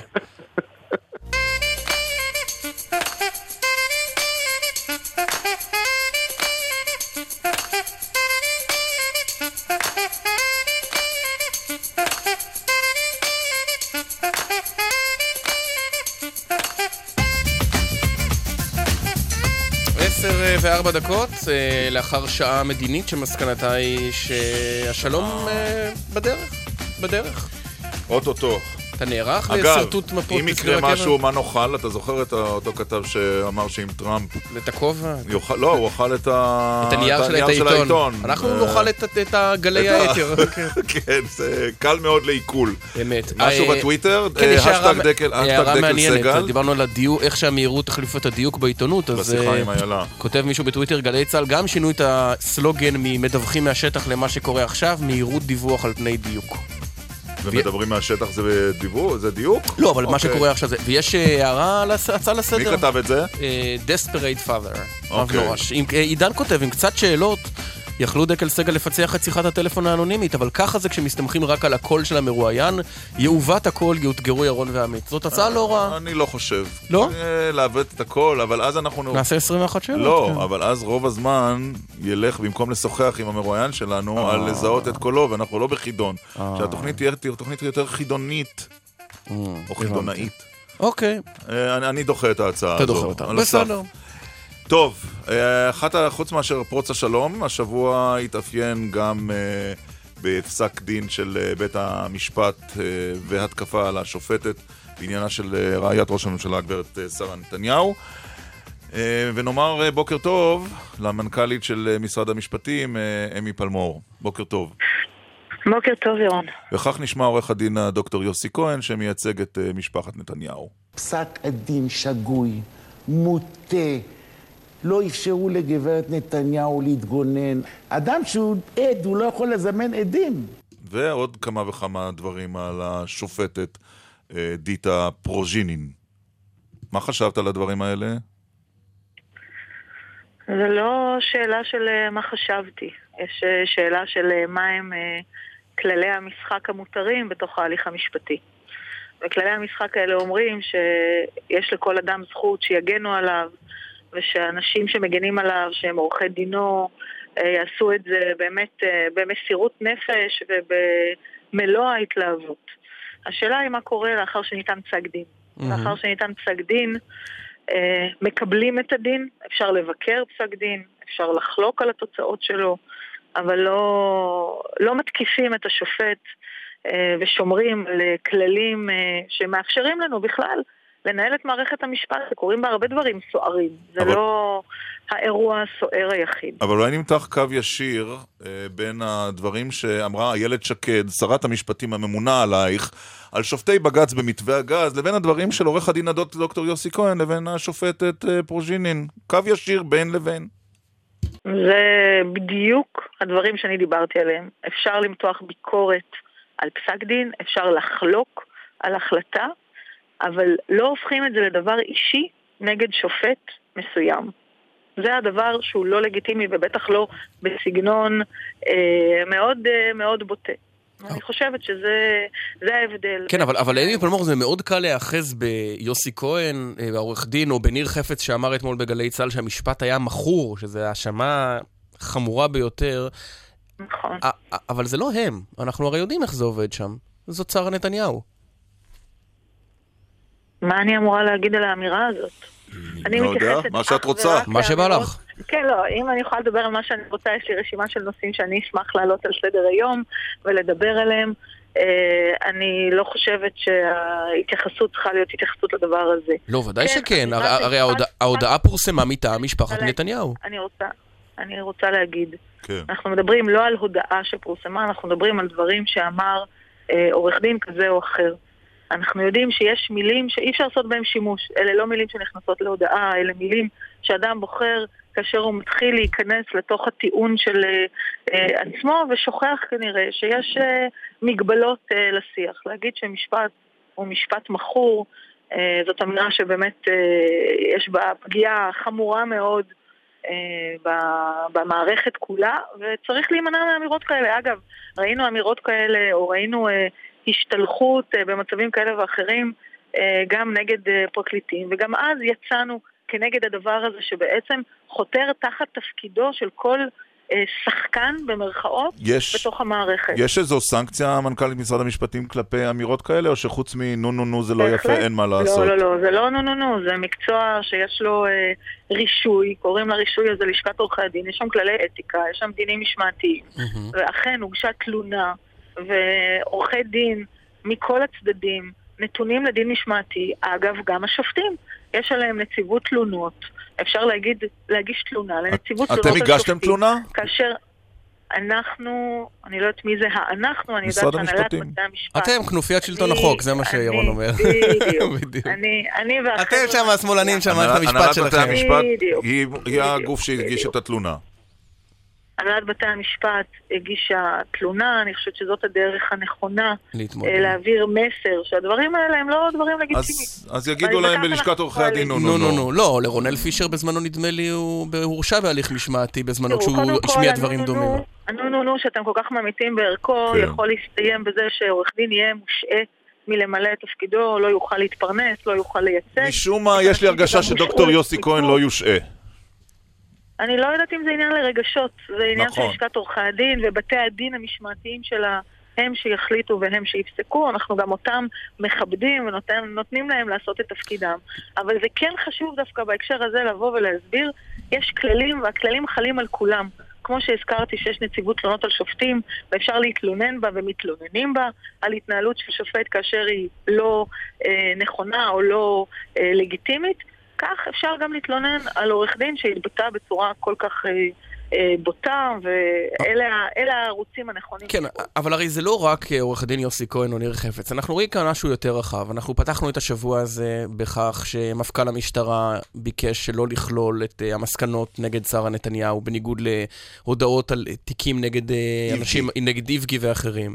וממשיכים את זה בטענות אה, קשות מאוד שיש על כך שחלקים ממערכת אכיפת החוק בעצם, אה, איך נגיד את זה, נוקטים אה, יחס של איפה ואיפה, ואז מגיע הדבר הזה. האם את חשה שמערכת המשפט אה, ומערכת אכיפת החוק קצת מתכופפת? ממש לא, ואני לא חושבת אה, שלזה אה, התכנסנו היום כדי שאני אחלק אה, ציונים לכל המערכות שעוסקות באכיפת החוק.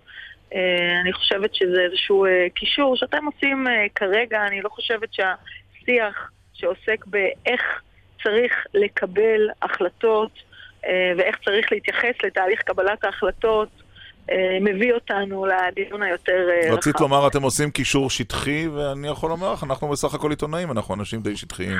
חס וחלילה, זה כמו שאני אה, ביקשתי מכם מבעוד מועד להזכיר את זה שהערב נכון. הולך להיות ערב עם. הרמטכ"ל, עם אה, ראש המוסד לשעבר, עם הרמטכ"ל לשעבר בני גנץ, עם ראש המוסד לשעבר כן. אפרים הלוי ועם שרת המשפטים איילת שקד כדי לספר את סיפורה המדהים של העלייה מאתיופיה, מהמם. תוך אה, הנצחת סיפורו של פרדה אקלום.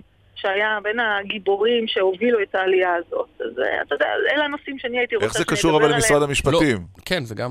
זה קשור למשרד המשפטים, כי אני מובילה היום צוות, אה, ב- על פי החלטתו של ראש הממשלה אגב. בוא נגיד אולי גם דברים חיוביים על ראש הממשלה, החלטתו להקים צוות למיגור הגזענות כן. נגד יוצאי אתיופיה, וקם צוות כזה שמאגד הרבה מאוד משרדי ממשלה וגם נציגים מהקהילה. הצוות עוסק גם בכלים משפטיים כדי למגר את הגזענות הזאת, שאנחנו רואים אותה בהקשרים כאלה ואחרים, אבל גם כדי לעשות הנכחה חיובית ליוצאי אתיופיה בחברה כמה הישראלית, שופט- גם בתקשורת וגם בתרבות. כמה שופטים אה, עולי אתיופיה יש במערכת המשפט? אין עדיין, וכולי אף תקווה לא אחד? אף לא אחד, אז אולי- אז לפני הכינוסים המרגשים כדאי לדאוג לזה. אגב, כמה עובדים אה, יוצאי חושבת- אתיופיה יש במשרד המשפטים? אני מודה לך על השאלה הזאת. יש קודם כל בכל השירות הציבורי כבר קרוב ל-2% מכלל העובדים שהם יוצאי אתיופיה. במשרד המשפטים יש היום פחות מאחוז, זה לא מספיק, ואנחנו מבינים שצריך להתמודד עם הדבר הזה ולשפר אותו, ואני מסכימה איתך אגב, שהנוכחות החיובית היא קודם כל בכך שיהיו יוצאי אתיופיה בעמדות השפעה, בתפקידים ואז משמעותיים. פחות יהיה צורך בכינוסים. וזאת הזדמנות טובה, וזאת לא עניין של כינוסים, קודם כל הכינוס הזה הוא כינוס, הוא אירוע, הוא קודם כל אירוע אה, תרבותי, אירוע זיכרון, ביום ירושלים, אגב, אני לא יודעת אם אתם יודעים, זה גם יום הזיכרון לקהילת יוצאי אתיופיה. אה, על המסע לסודאן ועל הנופלים במסע הזה, נפלו 4,000 איש במסע הזה. כן. את מדברת על מבצע משה, לא על מבצע שלמה. מוזכרת. מבצע אה, משה, כן. כן, כן. נכון. ההיסטוריה של הקהילה הזאת, אה, שהיא קהילה ציונית מאוד וחשובה מאוד, לא מוכרת מספיק, והאירוע הערב זה לא כינוס, אלא אירוע כדי אה, להעלות לסדר היום דמויות, אה, דמויות ומודלים לחיקוי מהחברה האתיופית, כדי שנדבר גם עליהם, ולא רק אה, על הקשרים שליליים כאלה ואחרים שמתעוררים חדשות לבקרים. את יודעת, את מספיק זמן בעסק הזה לדעת שתקשורת עוסקת יותר אה, בשלילי ופחות בחיובי. ו- היה נדמה לי שיאיר לפיד הייתה לו פעם פינה בעמית, נכון? באולפן שישי של משהו כן. חיובי ולא היה לזה רייטינג. כן. אז זה נפל, להיות. הקהל נטש בהמוניו. אני מקווה שבשיחתנו בשלב הזה, אגב, אגב, גם הקהל עוד איתנו, הם גם- והם לא הלכו. גם מערכת המשפט עוסקת לא, במה שמקולקל. מערכת המשפט עוסקת במה שמקולקל, היא לא קמה ו... איזה יום יפה. אני אגיד קודם כל באופן כללי שאני חושבת שהגזענות זה נושא מאוד מאוד כואב, והוא גם נכון. מעניין רבים מאיתנו. נכון. והגזענות הספציפית כלפי יוצאי אתיופיה בוודאי צריכה להכאיב לנו לא רק כשיש מחאה, אלא גם כשקורה משהו טוב וחיובי. כן. והרייטינג שלכם הוא כל כך מדהים שהוא מסוגל לספוג אפילו את הזו. הקל שאולי זה עורר אז- באדם אז כזה או אחר. אה, לסיום, בלא ציניות, מנכ"ל משרד המשפטים, אני רוצה להצטרף לדברייך, שאני חושב שאפליה מתקנת בכל מה שקשור ליוצאי אתיופיה היא דבר חשוב, מבורך וחיוני. אז אה, בעניין הזה חזקו ואימצו, ללא שמץ ציניות. אמר- אמרת תת-אלוף דקל, מפקד גל"צ. תודה רבה לכם, פלמור. אני מודה לכם. תראי, הוא לא יכול בלי. אני מנסה לומר משהו חיובי, לא, לך בלי ציניות, אבל הוא לא. מצליח, הוא לא מצליח. זה הפרטנר שלי, הוא לא מצליח. אנחנו כל פעם, אני מתנצל בשמנו. ביחסים ביניכם, ואני מוכנה יום אחד לתרום. לגשר? כדי לעשות דינמיקה גישור חובה. קבוצתית. לגמרי, לגמרי. תודה רבה. אנחנו נרשום את זה לפנינו. תודה רבה. ויום אחד נדבר איתה על ילדותה. שעברה בין אה, בירות בעולם, היא הרי בתו של נכון, דיפלומט. של אה, דיפלומט. כן, נעשה את זה פעם. כן, האמת זה מעניין. יל- כן, ילדי דיפלומטים זה נחמד. גם נצטרך. בעתיד אנשים שיעזרו לנו לזהות את השיחה בהפתעה. אמת. אולי גם אה, טוב, אמריקה עכשיו, תזכור את השבוע הזה, השבוע שבו דונלד טראמפ פתאום התחיל להתאפס כמועמד מוביל לנשיאות ארה"ב. לא יאמן. איפה מרקו רוביו כשצריך אותו? נכון. שלום לאלון פנקס לשעבר ניו יורק, יחד בוקר דיין. לשעבר לוס אנג'לס. בוקר בוקר טוב. מצוין. אה, נו, אה, אנחנו... דונלד טראמפ הרי מוביל בסקרים, והשאלה היא האם הוא מוביל בסקרים עכשיו, בחלקם הוא לא מ- לפחות. הוא לא הוא לא מוביל בסקרים. זהו, אבל בוא נגיד ב- כל שבוע אתה כל שבוע אתה תגיד, כל שבוע. לא, בשבוע שעבר דנה וייס אמרה את זה. בבקשה. עמית שוטט כן. בבירות העולם. בק- בבקשה, העמד אותי על טעותי. בוא, בוא נתחיל מה... נתחיל מהאזהרת מסע שאני נותן לפני כל שיחה כזאת. חמישה חודשים לפני בחירות, סקרים חסרי משמעות. חמישה חודשים לפני בחירות, סקרים לאומיים הם חסרי משמעות, והכושר הניבואי או החיזוי שלהם אה, הוא אוקיי. קרוב לאפסי. זה לא אומר, זה לא אומר שאין מגמה באותם סקרים שאני מבטל את משמעותם כרגע, אבל הם קיימים, זה לא אומר שאין התחזקות של טראמפ שנובעת, והיא יכולה להמשיך, אבל אני אומר כרגע היא נובעת מן העובדה שהוא המועמד הרפובליקאי, קרוב ל-65 מהמצביעים הרפובליקאים על פי הסקרים או המחקרים אה, מתלכדים סביבו ואומרים שבכוונתם להצביע עבורו. בעוד שהגברת קלינטון איננה מועמדת והיא מותקפת גם מימין וגם משמאל. וזה זה כרגע סטטוס הסקרים, אז באמת באמת חברים, לא חשוב כרגע. יקי דיין? חשוב, זאת אומרת, זה לא... רגע, בתודעתי, רק שנייה, אני אוסיף כאן עוד שאלה ברשותך, לפני שאתה ממשיך. תודעתית, כשמועמד מצטייר אפילו בסקר לא חשוב, כפי שאמר אה, אלון פינקס, ואני חושב שבאמת למדינות יש כאן משמעות, אחרת המערכת הפוליטית נראית אחרת. סקר אה, אה, כללי של ארה"ב כולה איננו משקף, אבל במודעות, בתודעה, פתאום האיש הזה הוא מועמד לגיטימי. זה לא יכול להשפיע על דפוסי ההצבעה בתוך המדינות עצמן, יקי דיין? אתה צודק לחלוטין, ירון, ואני אגיד לך איפה אני מסכים עם אה, אלון ואיפה אני חולק עליו. אני מסכים עם אלון כי הסקרים היום הם מוקדמים. בסקרים היום ב-2008 אה, אובמה הוביל על, על ג'ון מקיין ב-0.2 אחוז. זה נגמר ביותר מ-7% ניצחון אה, של אובמה, ככה שהסקרים היום באמת מוקדמים ולא יכולים לנבא את מה שיהיה בבחירות. מה הם כן? הם כן נותנים מגמה, הם כן נותנים מומנטום, ומעל הכל אנחנו רואים איך בכירי המפלגה הרפובליקנית, אחד אחרי השני, כל אלה שיצאו כנגד אה, דונלד טראמפ, כל אלה שקיללו את דונלד טראמפ, יוצאים אחד אחרי השני ואומרים אנחנו נעמוד לצידו. אה, ולאט לאט המפלגה הרפובליקנית. אני בסקר האחרון שראיתי, 82 אחוזים ממצביעי המפלגה הרפובליקנית אמרו שהם יצביעו ל... כן, אבל, אבל, אבל יאקי, העובדה היסודית לא השתנתה, והיא שה... בוא נגיד, הקהל שבוחר את המפלגה הרפובליקאית קצת מזכיר את מפלגת העבודה כאן. זאת אומרת, זה מיעוט יחסית עשיר ומזדקן. הוא לא מספיק, והשאלה היא אם לדונלד טראמפ בסוף יש יכולת להיבחר בקולות האנשים שאותם הוא העליב וגידף וקילל, שזה הנשים וההיספנים ומהגרים ומי לא. אני חושב שיש לו יתרון אחד עצום על פני הילרי קלינטון, והוא שהוא נתפס אנטי-ממסדי לחלוטין. ובימים אלו ב- בארצות הברית זו ברכה גדולה, בשעה שהילרי קלינטון נתפסת כחלק אינטגרלי מהממסד. היוצא מהדופן שלא מעיד על הכלל זה, זה אובמה הנשיא שזוכה לאחוזי צמיחה גבוהים, אבל מעבר לזה כל דבר אחר שנתפס כממסדי נתפס כמאוד בעייתי. וטראמפ מביא כאן את הבשורה, והבשורה הזאת מדברת לקהל הרבה יותר רחב מרק המצביעים הרפובליקנים ה- ה- התמידיים, השמרניים, אלה שתמיד מצביעים רפובליקנים. כן. עד כדי כך שהוא עומד לאתגר את הילרי קלינטון בהרבה מדינות... שחשבנו שהן ב- ב- בטוחות אה, מדינות דמוקרטיות. אלון. אבל תסביר לי משהו שנייה על הפסיכולוגיה האמריקנית. ואחרי זה נדבר על קליפורניה. הרי המיתון, אה, אוב- אובמה, בת- בתקופת אובמה, אה, המצב הכלכלי השתפר, האבטלה ירדה, יותר אנשים משתתפים בכוח העבודה. מאיפה מגיע, מגיעה השנאה הזאת לממסד? אמ, אני אגיד לך, מ- מכמה מקומות. ראשית, השיקום הכלכלי בתקופת אובמה הוא שיקום בנתוני מאקרו. הוא, לא, הוא מעולם לא חלחל למעמד הבינוני נמוך. כלומר, נכון שמקום העבודה שלך ושל רעייתך בפרבר של פיטסבורג אה, בטוח, נכון גם שיש לכם ביטוח בריאות.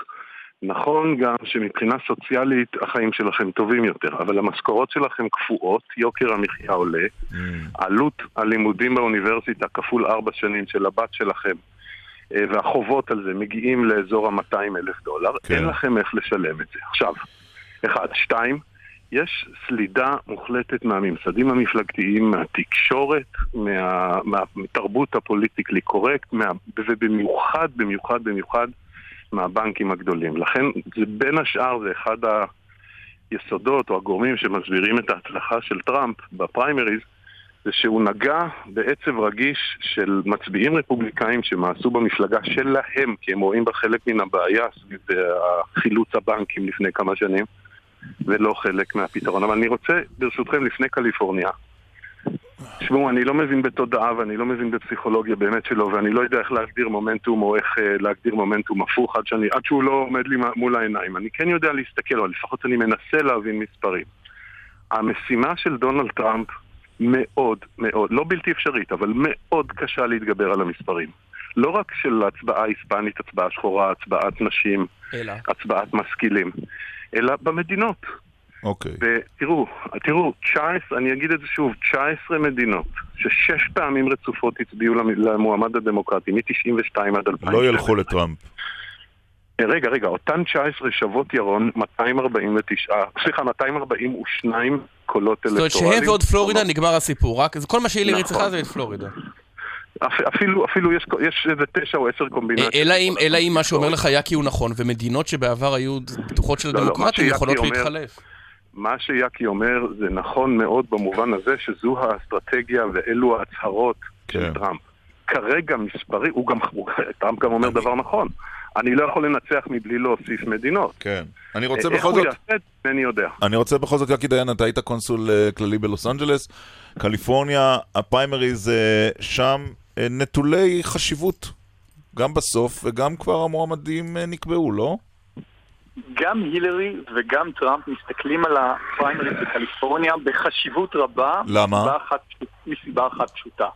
אה, הילרי קודם כל רוצה, אה, רוצה להראות שהיא כן יכולה לנצח את ברני סנדרס ובטח במקום שהוא דמוקרטי לחלוטין. קליפורניה מאז ומתמיד מצביעה דמוקרטית.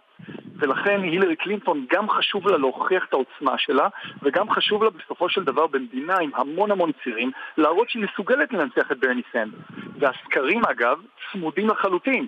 ברני סנדרס, הילרי הובילה שם בהרבה, ברני סנדרס השווה את המרוץ בקליפורניה וזו בעיה גדולה להילרי כי אחת המדינות שאנחנו מדברים עליהן, שטראמפ, אמנם זו תהיה משימה כמעט בלתי אפשרית, אבל אחת המדינות שטראמפ מדבר עליה להעביר, כן. אה, היא קליפורניה. זאת תהיה משימה כמעט בלתי אפשרית משתי סיבות. אחת, כי היא מלאה, מלאה בהיספנים. אה, והשנייה כי באמת אה, היא רובה ככולה דמוקרטית, אבל טוב. זו מדינה שבדיוק לפי הניתוח של אלון שקעה תחת הנטל הכלכלי ולכן טראמפ, ויש לה המון צירים, וטראמפ מסמן אותה כנקודת מהפך. אוקיי. ולכן הם כבר עושים את הקמפיין הנשיאותי שם. לסיום, אה, אנחנו לא נפרדים אה, בלי ההערכה הקבועה שלנו, טראמפ או קלינטון, אה, אבל ב- אפשר במילה אחת, אלון פנקס, ולא במשפט. מוקדם מדי. הנתונים, הם, הנתונים באופן מוחלט הם טוב. לטובת קלינטון, עוד, אני עוד לא ראיתי קמפיין, לכן אי אפשר אוקיי. בדיוק. יאקי דיין? כן, אני מסכים עם אלון, ו... נו, באמת. או שעמית ואני נגיד רוביו, או ש... לא, אתם יכולים עדיין לתמוך במרקו רוביו, זה בסדר. המסכן, המסכן, ה- עמית הרדיו סובל הכל, פעם עוד הרדיו סובל הכל. עוד לא דיברנו בדיוק, ועוד לא דיברנו על המועמד פעם השלישי אחת שאולי הוא אמר יבוא. מרקו רוביו, יאללה. ואולי מועמד, כן. בדיוק, ואולי עוד מועמד שלישי יבוא וישנה את כל התמונה, אבל זה יחכה. זה יהיה מדהים אם זה. יקרה. לא, מספיק שהוא כן. יביא 10% והוא ישנה את כל התמונה. נכון, ברור. אוקיי. אה, יאקי דיין, אלון פנקס, כתמיד היה לעונג לשוחח איתכם, ניפגש גם בעתיד. לכם, בוקר בחירות אור. בשמונה תודה, בנובמבר תודה. למי שתוהה. עכשיו אנחנו אה, עם כמה וכמה הקלטות אה, נחמדות. על אדם שמאז שהוא הלך הרבה יותר משעמם פה, כן, נכון? למרבה אם- הצער. אני בטוח שהבן שלו לא ייעלב אם נגיד אביו על ה- שהרעיונות איתו פחות מעניינים עדיין מאשר עם פחות, אביו. אה, כן, יש בהם פחות הומור. נכון, היום לפני שמונה שנים, השבוע לפני שמונה שנים, היום, סליחה. ב- היום? אתמול, סליחה, אתמול. ב-1 ביוני. הלך לעולמו יוסף טומי לפיד. אה, עיתונאי, פוליטיקאי, שר משפטים, סגן ראש הממשלה, אה, איש טלוויזיה, רדיו, מנכ"ל רשות השידור. מחזאי. נכון. אה, ספר אה, נהדר כתב הבן שלו, זיכרונות רחם רחם אותי. אותי. אה, מאוד. אתה יודע שאחד הדברים שהכי הדהימו אותי בטומי לפיד, זה אחרי שהוא סיים את הקריירה, עשיתי איתו כתבה. היה לי פעם סקופ עליו. מה? שהוא רץ לכנסת. אה, אתה הבאת את זה? ואתה יודע, כן, ואתה יודע מתי זה שודר? ב- ביום שישי, בארבע אחר הצהריים, בחדשות כל ישראל, אבל אני לא יכולתי לה- להתאפק. הבנתי, כן, ידיעה יפה. ו- אבל, כן. אבל, אה, מה שהדהים שינוי. זה שאחרי שהוא עזב, אה, עשיתי איתו כתבה, כי הייתה לו את התוכנית אה, השבוע שלי בכל ישראל. והאיש היה סגן שר סגן ראש הממשלה ושר המשפטים, ודמות מאוד בכירה, עובר שם על טקסטים ומקפיד, וזה כאילו ביומו הראשון ברדיו, זה היה מאוד יפה לראות את כן, הדבר הוא הזה. היה איש, אה, ש- הוא היה פדנט. נכון, אבל כיוון שהוא תאב שמלץ, בואו נפתח ישר בריאיון אופייני עם לפיד, עודד בן. עמי. ראש הממשלה קנה כאמור את תמיכת שינוי בתקציב המדינה במחיר 700 מיליון שקלים. ערב טוב ליושב ראש שינוי טומי לפיד. קונים את הסבתא שלך. אני מבקש ממך, אני מבקש ממך ראשית. אני מבקש ממך ראשית, תקפיד בכבודה של הסבתא אני, שלי, אין לי ובוא שום. כבוד אליך כשאתה לא מתייחס אליי בכבוד. זו דוגמית קטנה. התוכנית שהעלתה את אה, לפיד אה, לגדולה בתודעה הציבורית, וגם בזכותה נבחר אחר כך לכנסת, היא התוכנית אה, פוליטיקה ופופוליטיקה. כן, התחילה כפופוליטיקה, עברה אבל- להיות פוליטיקה בערוץ הראשון, בהנחיית דן מרגלית, ה- צריך לומר. ביוטיוב אתה יכול לראות עד היום דיונים שמשתתפים בהם ישעיהו ליבוביץ', אביב גפן, דליה רביקוביץ', טומי לפיד. ודנקנר. זה כאילו לא עברו 20 שנה, מדהים, וואו. ממש. אז הנה קטע קטן מתוך אה, פופוליטיקה, ערוץ ראשון. טל פאר, ערב טוב לך. את השתטחת על קברי צדיקים פעם או פעמיים, נכון? אני השתתפתי בביקור בקברי אני צדיקים. מוכן בתנאי זה להיות קבר של צדיק. אני אקבל את זה כמחמאה. אנחנו נעמיד פנים שלא שמענו את ההערה הזו. נכון. אנחנו לא מקבלים את זה כמחמאה, אלא כביקורת. אני לא דיברתי עלייך, דיברתי עליה. אני בטוחה. זה היה עופר היום? לא. לא, אה? לא, זה היה הופך ל... לא. זה היה, זה היה, הוא היה מתנצל, זה היה סקנדל.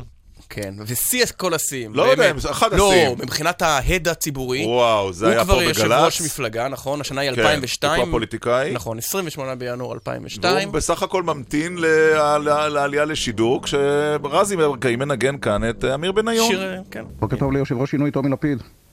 שמעתי את השיר הזה, הגעתי למסקנה שלא אנחנו כבשנו את טול כרם, אלא טול כרם כבשה אותנו. לא אהבת את השיר הזה, טומי? נורא. למה? נורא. אוקיי, זה הטעם המוזיקלי שלך, מה לעשות? וכל הריאיון שהיה אמור להיות על חומת מגן וכיבוש טול כרם, הפך לשעה שלמה על מוזיקה וואו, מזרחית. איזו סערה הייתה איזו אחר כך. סערה איומה. מה- בוא נגיד, מה שעשה בנט לדורית רביניאן, עשה אה, טומי לפיד לתמלוגים. של אמיר בניון. שלום לחברת הכנסת שלי יחימוביץ', מפלגת העבודה, המחנה הציוני. שלום ירון ועמית. מתי אה, פעם האחרונה הייתה הפגישה שלך עם טומי לפיד, חבר קרוב?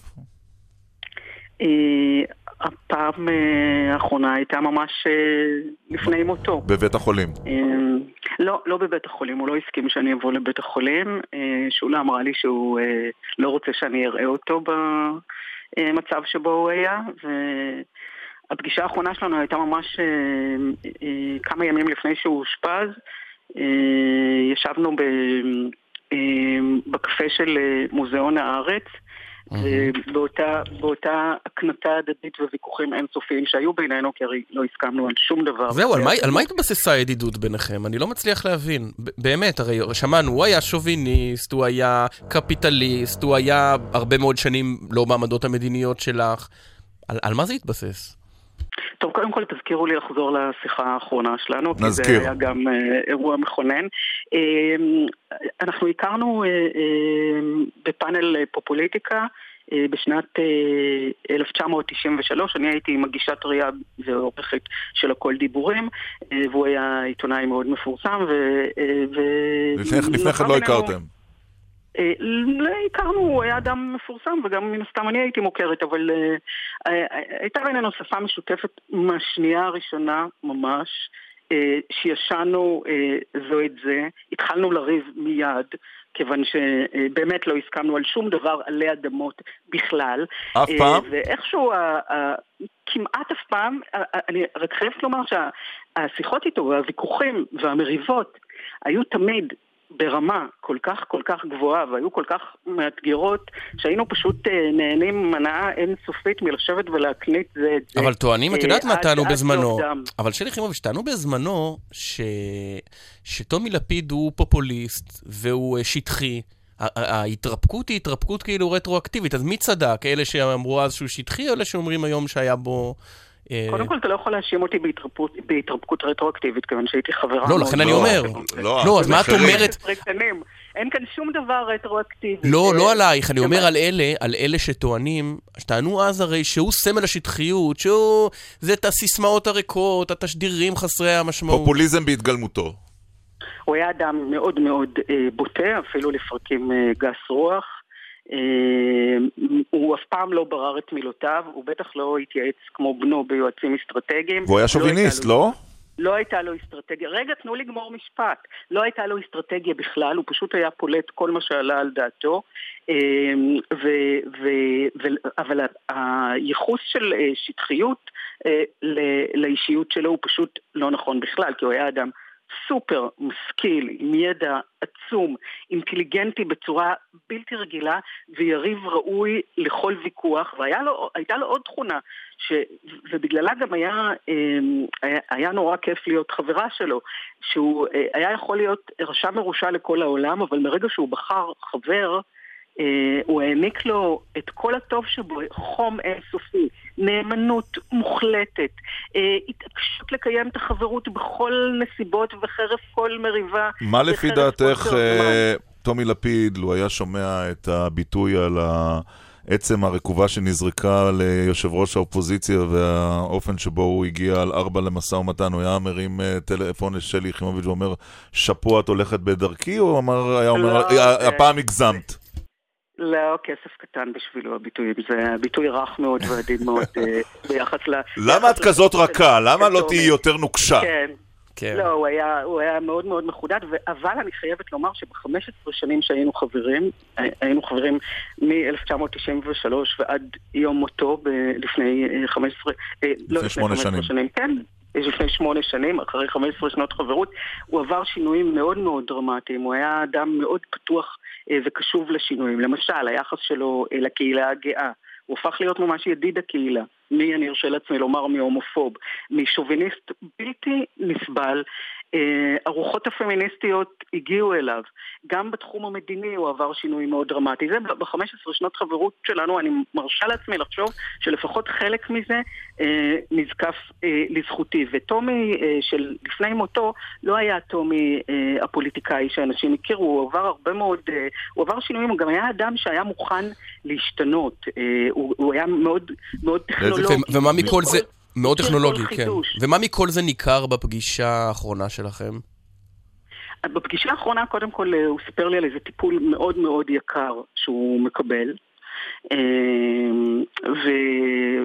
וצחק עליי שאנשים עשירים חיים יותר, אה, וככה זה בעולם וככה זה צריך להיות. כמובן הוא השתמש בכל דבר כדי להקנית אותי, אבל, אבל זה היה הדדי, אבל עוד משהו בפגישה הזאת, זה היה היום של העדות של אה, טלנסקי. אה, במשפט אולמרט, והוא ואולמרט היו חברים מאוד מאוד מאוד קרובים וטובים, אה, זה תמיד חרה לו ש... אה, אה, שאני ואולמרט לא בקשרים טובים בלשון המעטה ושאני מתעבת את הוא ניסה לגשר על התיעוב הזה? הוא ניסה כן, לגשר? כמה וכמה פעמים. כולל אה, מפגש משולש או משהו כזה? גם יצא לנו להיפגש בימי הולדת שלו וכאלה, אבל הייתה פעם אחת שהיינו, שהייתי עוד עיתונאית, שהוא ניסה, שהוא ישבנו במסעדה, הוא הזמין אותי ואת אה, אולמרט, והוא אמר, אני לא יכול לסבול ששני אנשים שאני כל כך אוהב, לא סובלים אחד את השני.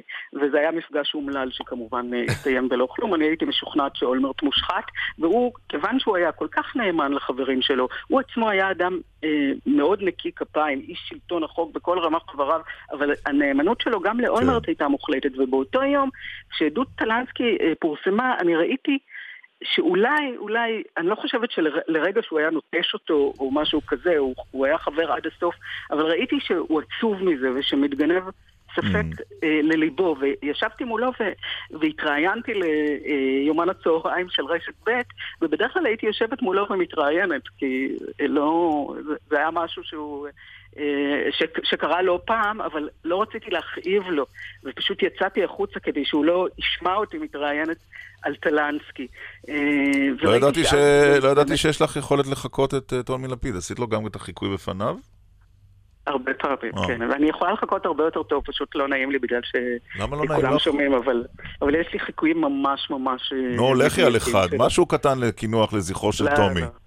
עם הרייש. הוא היה אומר לי, אם הייתי מתרברבת, הוא היה אומר לי, את לא מספיק גדולה כדי להיות צנועה. אה, כלומר, אם הייתי מצטנעת. ברור, ברור. טוב. שהוא היה אומר.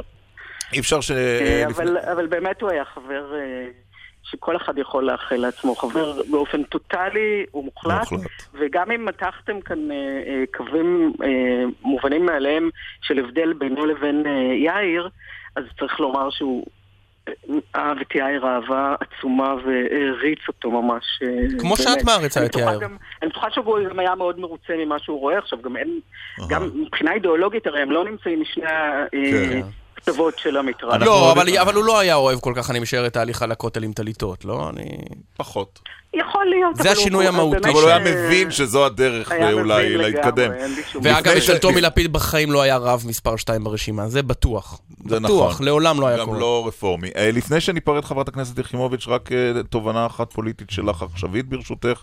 אה, אתם בדרך לממשלה, או לפחות אה, בוז'י הרצוג?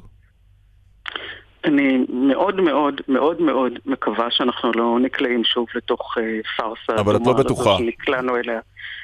אה, אני בטוחה שאני אעשה כל דבר כדי לעצור אה, מהלך אומלל כזה, אבל אני ממש לא בטוחה שאין מי שמחשב את, הצעדים לקראת, לקראת סיבוב נוסף של, של הפארסה הידועה שכבר הייתה.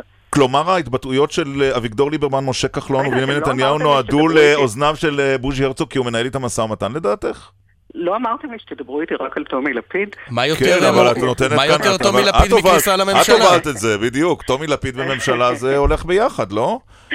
אה, אני חושבת שכן, ששטף המלל השלומניקי, התמוה והחסר אמינות עד גיחוך של אה, ליברמן ונתניהו, עוד רגע הם ירימו אה, שלטים של שלום עכשיו. לא שמעת את שיר ויגדלו השלום ברחובות. בפתח התוכנית שלנו הבוקר? כן, שמעתי, שמעתי, זה היה מאוד במקום.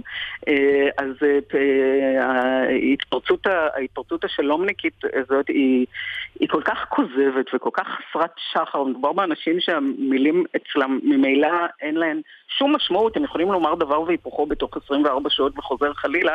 אני חושבת שזה נועד גם אולי קצת להרגיע את העולם, אבל גם מין מלכודת דבש כדי אה, למשוך שוב את אה, מפלגת העבודה לאותו אה, תרחיש אומלל וידוע מראש שירסק אותה באופן מוחלט, ושלום בטח לא יצא מזה, גם לא הסדר, אבל, אבל, אני חייבת לומר בהסתייגות שאם תהיה להם תאונה, ואם הם יהיו חייבים לבצע מהלכים מדיניים, כי אז הם יקבלו את מלוא הגיבוי שלנו באופן כן. מוחלט, הם יכולים להסיר דאגה מלבם. ואם הם ייפרדו מהבית היהודי, נערוך כאן ראיון מחודש, חברת הכנסת אה, יחימוביץ', אבל כרגע זה עדיין לא קורה. אני תמיד אשמח להתראיין אצלכם. טוב, רשמנו את זה לפנינו. תודה רבה תודה לך, חברת. הכנסת שלי יחימוביץ', חברתו תודה של. טומי לפיד. שאתמול מלאו שמונה שנים לפטירתו. טוב. נלך לאחינועם ניני? כן. בוקר- אבל לא בענייני... לא שירה, לא, לא. בענייני בוקר טוב, שירה. אחינועם ניני. בוקר טוב. איך אה, איך הוא בחיים נחמד? כן, הוא מקסים לגמרי. אה, כולם יודעים על מי מדברים? לא, זהו, שלא יודעים, חושבים שזה אולי טומי לפיד, כי עליו דיברנו עם שלי יחימוביץ', ולא עליו אנחנו משוחחים. אותו לא הכרתי, לא. אותו לא הכרת. מה- מה הביא אותך לפגישה עם יושב ראש הרשות הפלסטינית? אה, הוזמנתי. אה, הוזמנתי, לא בפעם הראשונה. אה, ביחד עם קבוצה מכובדת של שגרירים לשעבר אה, מצרפת, אה, אנשים שהיו שגרירי ישראל בצרפת, אה, שבאו לתמוך ביוזמה המתגבשת הצרפתית ולעודד את היושב הראש. אני הגעתי גם בקונטקסט הזה וגם במסגרת ועידה שהקים אבו מאזן כבר לפני מספר שנים, שהמטרה שלה היא לקרב את החברה האזרחית הישראלית לרשות הפלסטינית ולעם הפלסטיני. רגע לפני וכל- שמקרבים את החברה האזר- האזרחית הישראלית לרשות הפלסטינית, אולי כדאי אה, לשים לב שכשנוסעים לאבו מאזן עוברים הדרך בשדרות יחיא עיאש על שם המהנדס הרוצח. כן, אז מה? אז זה לא לא יודע, בא- לא נשמע... חיים, 632 ממשיכים לבית קפה ציירו לך על הקצף לב, יצא להם יפה קוראים בשם שלי, ניגש לקחת לי כריך. פוגש שם את האחת שהייתי בול צריך. זאת אהבה, מיד אני יודע. לא כמו עם זאת שהייתי לפניה. תן לה, רוז אני נותן לך שם צקום ומלח ועפים על החיים. תן לה, כל אני נותן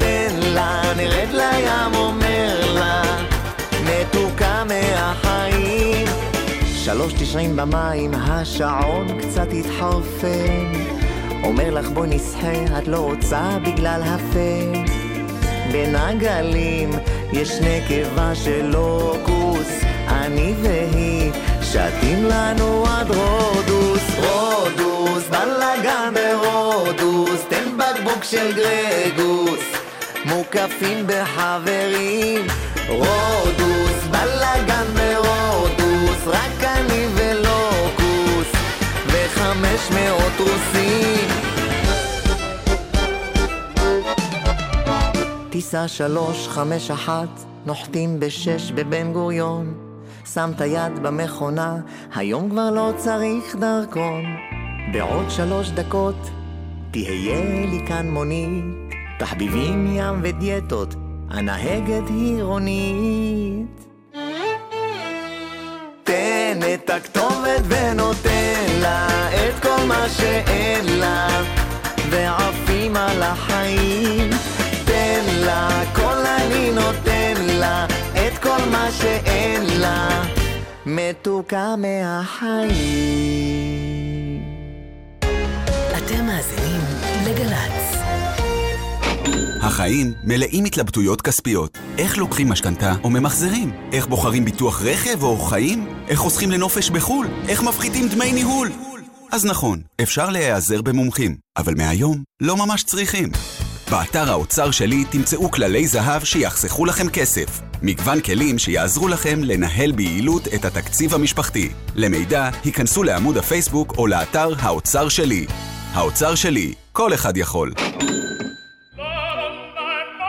האופרה ריגולטו מאת ורדי היא רק חלק מפסטיבל האופרה בירושלים. אה, ורדי, בטח, היינו באותו אוהל בטירונות. גורי, בוא לאופרה. מ-22 עד 25 ביוני זה קורה. מופעי אופרה ברחבי העיר, אופרה וקולנוע בבריכת הסולטן, וחבילות לינה מוזלות בבתי המלון. להזמנת כרטיסים כוכבי 9066. פרטים באתר ג'רוסלם מקף אופרה.קום. ישראל.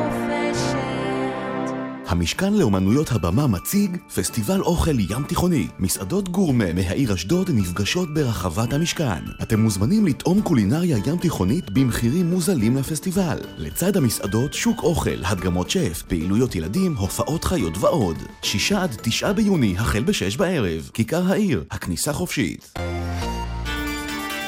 בוקר טוב ישראל עוברת ל-6 בבוקר. תבואו כשנוח, אנחנו לא עומדים לכם פה עם סטופר. הקולות הכי מעודכנים מהשטח. לא צריך להיות כל כך דרמטיים. כל הרעיונות הנוקבים, כל השאלות הקשות. בואו נתחיל לאט, את הנוקבים נשמור לשבע. החדשות הראשונות של הבוקר מתחילות כבר ב-6, אבל ברגוע. בוקר טוב ישראל עם אסף ליברמן, ראשון עד חמישי, מ-6 בבוקר. גל"צ.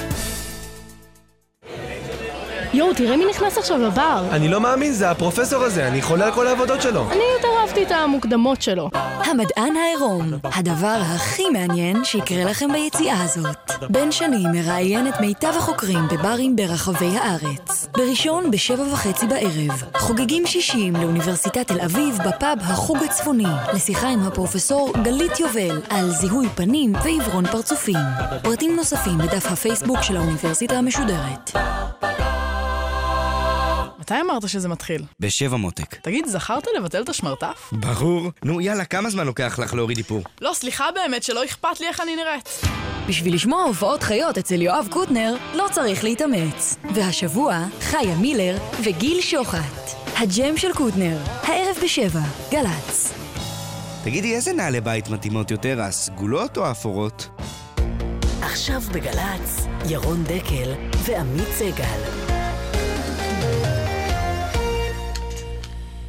עכשיו אנחנו אה, עם כמה וכמה הקלטות אה, נחמדות. על אדם שמאז שהוא הלך הרבה יותר משעמם פה, כן, נכון? למרבה אם- הצער. אני בטוח שהבן שלו לא ייעלב אם נגיד אביו על ה- שהרעיונות איתו פחות מעניינים עדיין מאשר עם פחות, אביו. אה, כן, יש בהם פחות הומור. נכון, היום לפני שמונה שנים, השבוע לפני שמונה שנים, היום, סליחה.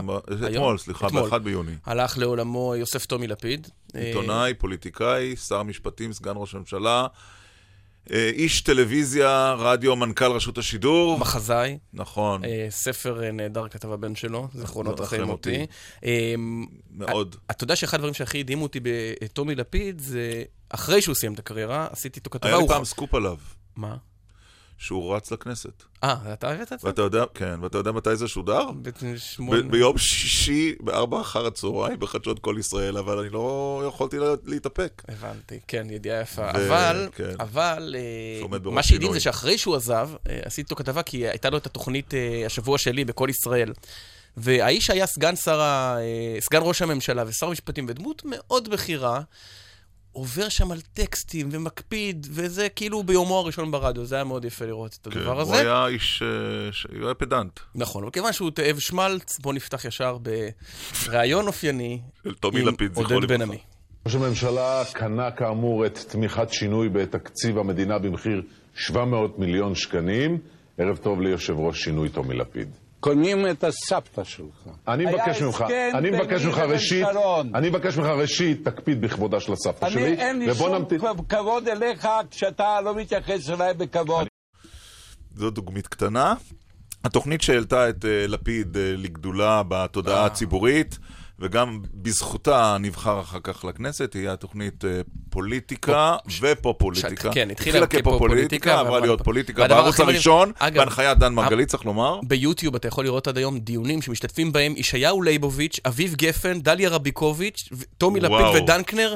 זה כאילו לא עברו 20 שנה, מדהים, וואו. ממש. אז הנה קטע קטן מתוך אה, פופוליטיקה, ערוץ ראשון. טל פאר, ערב טוב לך. את השתטחת על קברי צדיקים פעם או פעמיים, נכון? אני השתתפתי בביקור בקברי אני צדיקים. מוכן בתנאי זה להיות קבר של צדיק.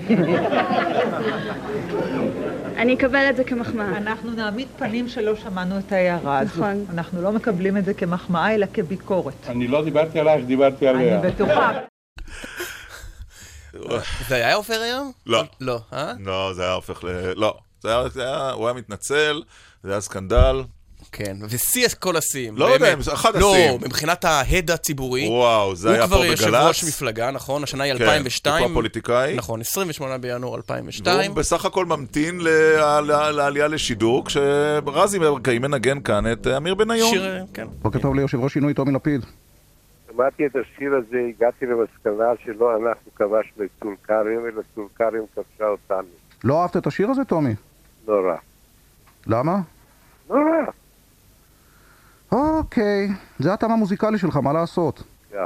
וכל הריאיון שהיה אמור להיות על חומת מגן וכיבוש טול כרם, הפך לשעה שלמה על מוזיקה וואו, מזרחית. איזו סערה הייתה איזו אחר כך. סערה איומה. מה- בוא נגיד, מה שעשה בנט לדורית רביניאן, עשה אה, טומי לפיד לתמלוגים. של אמיר בניון. שלום לחברת הכנסת שלי יחימוביץ', מפלגת העבודה, המחנה הציוני. שלום ירון ועמית. מתי אה, פעם האחרונה הייתה הפגישה שלך עם טומי לפיד, חבר קרוב? אה, הפעם אה, האחרונה הייתה ממש אה, לפני מותו. בבית החולים. לא, לא בבית החולים, הוא לא הסכים שאני אבוא לבית החולים. שולה אמרה לי שהוא לא רוצה שאני אראה אותו במצב שבו הוא היה, והפגישה האחרונה שלנו הייתה ממש כמה ימים לפני שהוא אושפז. ישבנו בקפה של מוזיאון הארץ. ובאותה באותה הקנטה הדדית וויכוחים אינסופיים שהיו בינינו, כי הרי לא הסכמנו על שום דבר. זהו, על מה- על מה התבססה הידידות ביניכם? אני לא מצליח להבין. באמת, הרי שמענו, הוא היה שוביניסט, הוא היה קפיטליסט, הוא היה הרבה מאוד שנים לא בעמדות המדיניות שלך. על על מה זה התבסס? טוב, קודם כל תזכירו לי לחזור לשיחה האחרונה שלנו, כי נזכיר. זה היה גם אה, אירוע מכונן. אה, אנחנו הכרנו אה, אה, בפאנל אה, פופוליטיקה אה, בשנת אה, 1993, אני הייתי מגישת ראייה ועורכת של הכל דיבורים, אה, והוא היה עיתונאי מאוד מפורסם, ו... אה, ו- לפני כן לא בינינו- הכרתם. אה, הכרנו, הוא היה אדם מפורסם וגם מן הסתם אני הייתי מוכרת, אבל אה, אה, הייתה בינינו שפה משותפת מהשנייה הראשונה ממש, שישנו זו את זה, התחלנו לריב מיד, כיוון שבאמת לא הסכמנו על שום דבר עלי אדמות בכלל. אף פעם? ואיכשהו, כמעט אף פעם, אני רק חייבת לומר שהשיחות איתו והוויכוחים והמריבות היו תמיד ברמה כל כך כל כך גבוהה והיו כל כך מאתגרות שהיינו פשוט אה, נהנים מנאה אינסופית מלשבת ולהקליט זה את זה. אבל טוענים, את אה, יודעת מה עד- טענו בזמנו? דם. אבל שלי יחימוביץ', טענו בזמנו ש... שטומי לפיד הוא פופוליסט והוא אה, שטחי. ההתרפקות היא התרפקות כאילו רטרואקטיבית, אז מי צדק? אלה שאמרו אז שהוא שטחי, או אלה שאומרים היום שהיה בו... אה, קודם כל אתה לא יכול להאשים אותי בהתרפקות, רטרואקטיבית כיוון שהייתי חברה. לא, לכן אני מאוד אומר. לא, לא, אז מה את אומרת? 15 שנים. אין כאן שום דבר רטרואקטיבי. לא, אה, לא עלייך, אני אומר על אלה, על אלה שטוענים, שטענו אז הרי שהוא סמל השטחיות, שהוא... זה את הסיסמאות הריקות, התשדירים חסרי המשמעות. פופוליזם בהתגלמותו. הוא היה אדם מאוד מאוד אה, בוטה, אפילו לפרקים אה, גס רוח. אה, הוא אף פעם לא ברר את מילותיו, הוא בטח לא התייעץ כמו בנו ביועצים אסטרטגיים. והוא היה לא שוביניסט, לו- לא? לא הייתה לו אסטרטגיה. רגע, תנו לגמור משפט. לא הייתה לו אסטרטגיה בכלל, הוא פשוט היה פולט כל מה שעלה על דעתו. אה, ו, ו, ו, אבל הייחוס של אה, שטחיות לאישיות שלו הוא פשוט לא נכון בכלל, כי הוא היה אדם סופר משכיל, עם ידע עצום, אינטליגנטי בצורה בלתי רגילה, ויריב ראוי לכל ויכוח, והייתה לו עוד תכונה, ש, ובגללה גם אמ, היה, היה נורא כיף להיות חברה שלו, שהוא אה, היה יכול להיות רשע מרושע לכל העולם, אבל מרגע שהוא בחר חבר, הוא העניק לו את כל הטוב שבו, חום אינסופי, נאמנות מוחלטת, אה, התעקשות לקיים את החברות בכל נסיבות וחרף כל מריבה. מה לפי דעתך, אה, טומי לפיד, לו היה שומע את הביטוי על עצם הרקובה שנזרקה ליושב ראש האופוזיציה והאופן שבו הוא הגיע על ארבע למשא ומתן, הוא היה מרים אה, טלפון לשלי יחימוביץ' ואומר, שאפו את הולכת בדרכי, או אמר, היה אומר, לא, "אה, הפעם הגזמת? לא, כסף קטן בשבילו הביטוי, זה ביטוי רך מאוד ועדין מאוד אה, ביחס ל... למה את כזאת רכה? למה לא. תהיי יותר נוקשה? כן.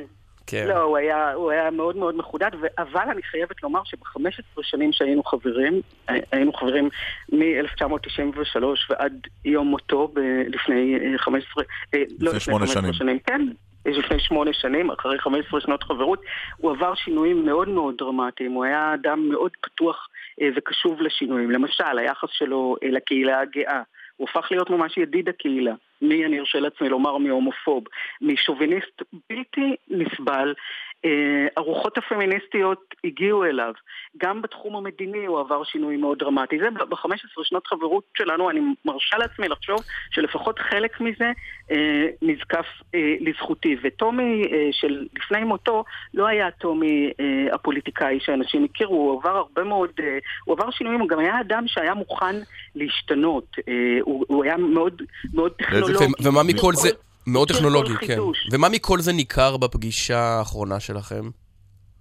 בפגישה האחרונה, קודם כל, אה, הוא סיפר לי על איזה טיפול מאוד מאוד יקר שהוא מקבל. וצחק עליי שאנשים עשירים חיים יותר, אה, וככה זה בעולם וככה זה צריך להיות.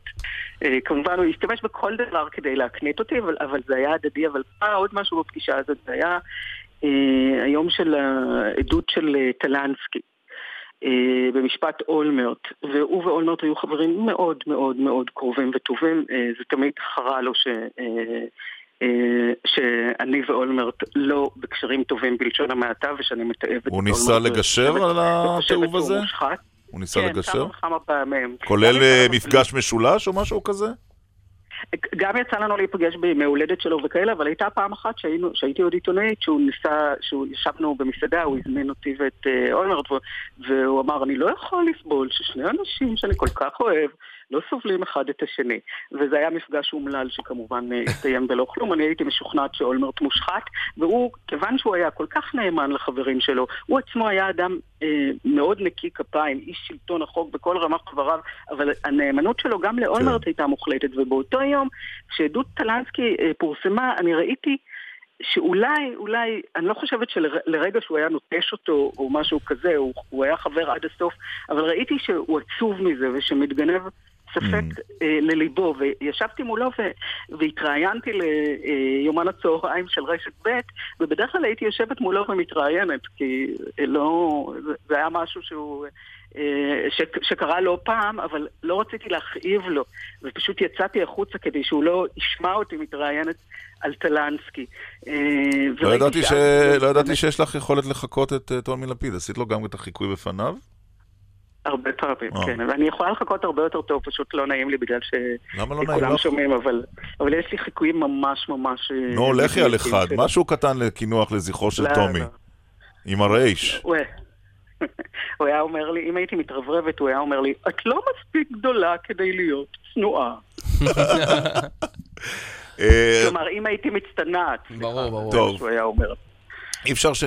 אבל, אבל באמת הוא היה חבר שכל אחד יכול לאחל לעצמו. חבר באופן טוטאלי ומוחלט. מוחלט. וגם אם מתחתם כאן אה, אה, קווים אה, מובנים מאליהם של הבדל בינו לבין אה, יאיר, אז צריך לומר שהוא אה, אהב את יאיר אהבה עצומה והעריץ אותו ממש. אה, כמו שאת. מעריצה את יאיר. גם- אני בטוחה שהוא גם היה מאוד מרוצה ממה שהוא רואה עכשיו, גם אין, גם מבחינה אידיאולוגית הרי הם לא נמצאים משני ה-. הכתבות של המטרד. לא, אבל, אבל הוא לא היה אוהב כל כך, אני משער, את ההליכה לכותל עם טליתות, לא? אני...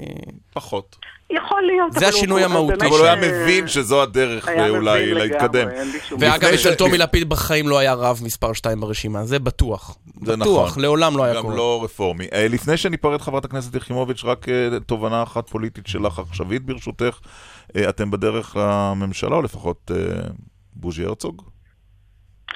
אני מאוד מאוד מאוד מאוד מקווה שאנחנו לא נקלעים שוב לתוך אה, פארסה. אבל את לא בטוחה. שנקלענו אליה.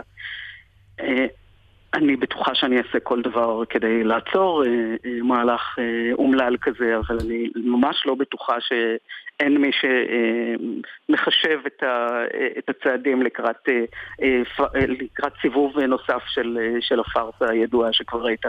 כלומר, ההתבטאויות של אביגדור ליברמן, משה כחלון ובנימין לא נתניהו נועדו. לאוזניו של בוז'י הרצוג כי הוא מנהל איתם משא ומתן לדעתך? לא אמרתם לי שתדברו איתי רק על טומי לפיד? מה יותר, כן, אבל את נותנת מה כאן... יותר טומי לפיד מכניסה לממשלה? את הובלת את זה, בדיוק. טומי לפיד וממשלה זה הולך ביחד, לא? אה, אני חושבת שכן, ששטף המלל אה, אה, השלומניקי, התמוה והחסר אמינות עד גיחוך של ליברמן ונתניהו, עוד רגע הם ירימו שלטים של שלום עכשיו. לא שמעת את שיר השלום. בפתח התוכנית שלנו הבוקר? שמעתי, שמעתי, זה היה מאוד במקום. אה, אז אה, אה, ההתפרצות, ההתפרצות השלומניקית הזאת היא, היא כל כך כוזבת וכל כך חסרת שחר. מדובר באנשים שהמילים אצלם ממילא אין להן שום משמעות, הם יכולים לומר דבר והיפוכו בתוך 24 שעות וחוזר חלילה. אני חושבת שזה נועד גם אולי קצת להרגיע את העולם, אבל גם מין מלכודת דבש כדי למשוך שוב את מפלגת העבודה לאותו אה, תרחיש אה, אומלל וידוע מראש ש- שירסק אותה באופן מוחלט, ושלום בטח לא יצא מזה, גם לא הסדר, אבל, אבל, אני חייבת לומר בהסתייגות שאם תהיה להם תאונה, ואם אה, הם יהיו חייבים לבצע מהלכים מדיניים, כי אז הם יקבלו את מלוא הגיבוי שלנו באופן כן. מוחלט, הם יכולים להסיר דאגה מלבם. ואם הם ייפרדו מהבית היהודי, נערוך כאן ראיון מחודש, חברת הכנסת אה, יחימוביץ', אבל כרגע זה עדיין לא קורה. אני תמיד אשמח להתראיין אצלכם. טוב, רשמנו את זה לפנינו. תודה רבה לך, חברת. הכנסת שלי יחימוביץ', חברתו של. טומי לפיד. שאתמול מלאו שמונה שנים לפטירתו. טוב. נלך לאחינועם ניני? כן. בוקר- אבל לא בענייני... לא שירה, לא, לא. בענייני בוקר טוב. אחינועם ניני. בוקר טוב. איך אה, איך הוא בחיים נחמד? כן, הוא מקסים לגמרי. אה, כולם יודעים על מי מדברים? לא, זהו, שלא יודעים, חושבים שזה אולי טומי לפיד, כי עליו דיברנו עם שלי יחימוביץ', ולא עליו אנחנו משוחחים. אותו לא הכרתי, לא. אותו לא הכרת. מה- מה הביא אותך לפגישה עם יושב ראש הרשות הפלסטינית? אה, הוזמנתי. אה, הוזמנתי, לא בפעם הראשונה. אה, ביחד עם קבוצה מכובדת של שגרירים לשעבר אה, מצרפת, אה, אנשים שהיו שגרירי ישראל בצרפת, אה, שבאו אה, לתמוך ביוזמה המתגבשת הצרפתית ולעודד את היושב הראש. אה, אני הגעתי גם בקונטקסט הזה וגם אה, במסגרת ועידה שהקים אה, אבו מאזן כבר לפני מספר שנים, שהמטרה שלה היא לקרב את החברה האזרחית הישראלית לרשות הפלסטינית ולעם הפלסטיני. רגע לפני וכל- שמקרבים את החברה האזר- האזרחית הישראלית לרשות הפלסטינית, אולי כדאי אה, לשים לב שכשנוסעים לאבו מאזן עוברים הדרך בשדרות יחיא עיאש על שם המהנדס הרוצח. כן, אז מה? אז לא יודע, לא נשמע לי כמו פתח של פיוס, אבל אולי אני קצת מקובע. לא, מה, אני לא יודעת, אני, אני אה, לדעתי אם תסתכל על כמה רחובות בארץ, תמצא, תמצא שם כמה אנשים שלא היית רוצה בכלל להסתובב בכיכרות שלהם ולא לנסוע ברחובות שלהם. מי לא למשל? שכדאי- לא, מי למשל? שכדאי לדון בנושא הזה. זאת שיחה ארוכה שלא כדאי להיכנס אליה. לא, אני חושב שכן, כי השאלה היא...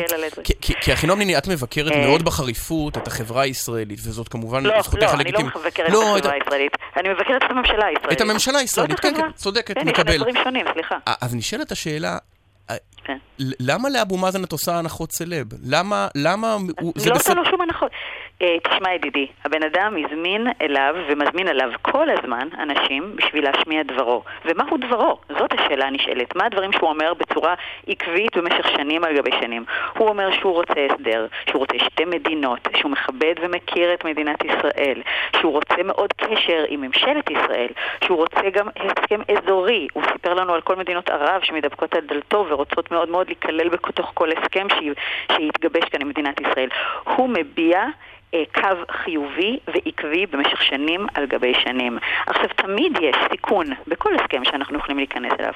סיכון. השאלה, הסיכון מול הסיכוי, למה אנחנו רוצים ללכת? האם אנחנו מוכנים ללכת על הסיכוי שיש אפשרות כאן להידברות ולשלום, או שאנחנו, אה, הסיכון מרתיע אותנו ואנחנו רוצים להמשיך בקו המלחמה אבל בסוף, לעדי עד. בסוף המפגשים האלה הם קצת כן. לשכנע את המשוכנעים, לא? כי את הרי באת עם עמדותייך שהן ידועות, ואת בין האומנים שאינם חוששים להביע עמדה ולהתייצב מאחוריה, מה שלא מאפיין רבים מהאומנים אה, היום במדינת ישראל. לא השתנה משהו בתפיסתך. אז אולי לא, הקהל שאליו הוא צריך לכוון הוא קהל אחר.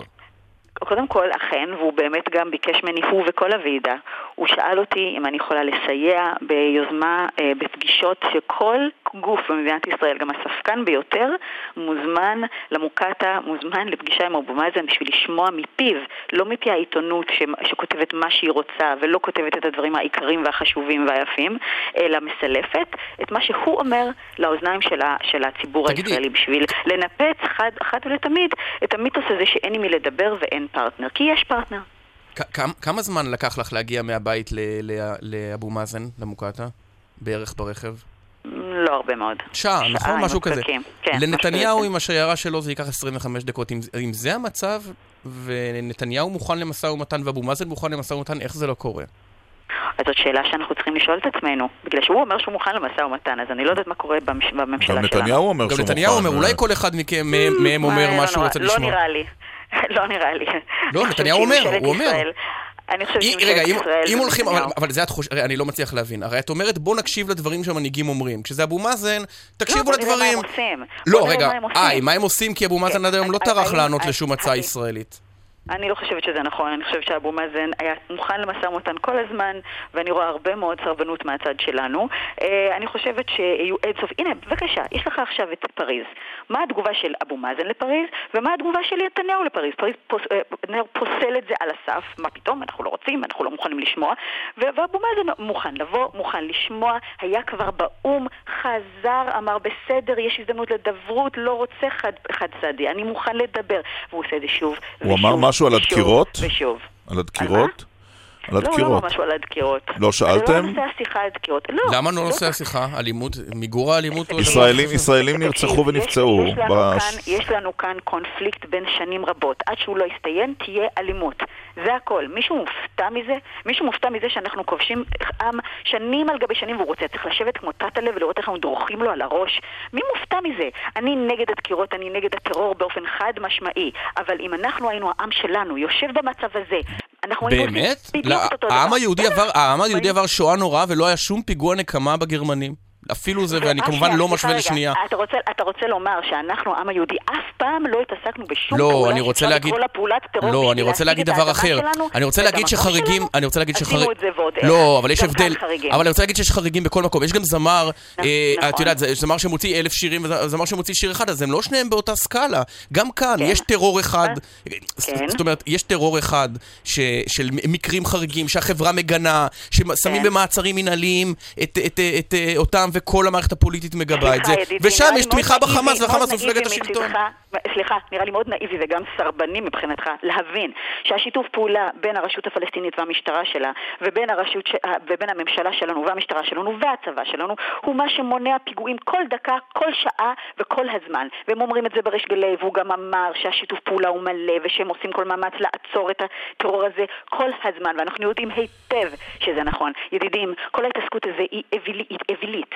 אנחנו כן. צריכים ללכת למשא ומתן, ואנחנו צריכים ללכת לשלום. אני תוהה- כמו שאמרה הגברת שלי יחימוביץ', שאני מסכימה איתה מאוד, מילים, מילים, מילים, מילים נאמרות כל הזמן מפי ראש הממשלה שלנו, השכם והערב, הדבר, הערב, הדבר והיפוכו. אם הממשלה הזאת, אגב, ישב אבו מאזן ואמר על אביגדור ליברמן, הוא אמר, שמעתי מה שהוא אמר, ולא אכפת לי מה שהוא עשה קודם, ולא אכפת לי לאיזה מפלגה. מפלגה הוא משתייך. כן. אם הוא מוכן ללכת על הדבר הזה, אני לא רוצה לסיום-. כל הכבוד. אחינועם, לי לשאול אה, מה מצב האיומים עלייך? היו בעבר איומים עלייך בגלל העמדות שאת אה, אה, משמיעה, זה פחת?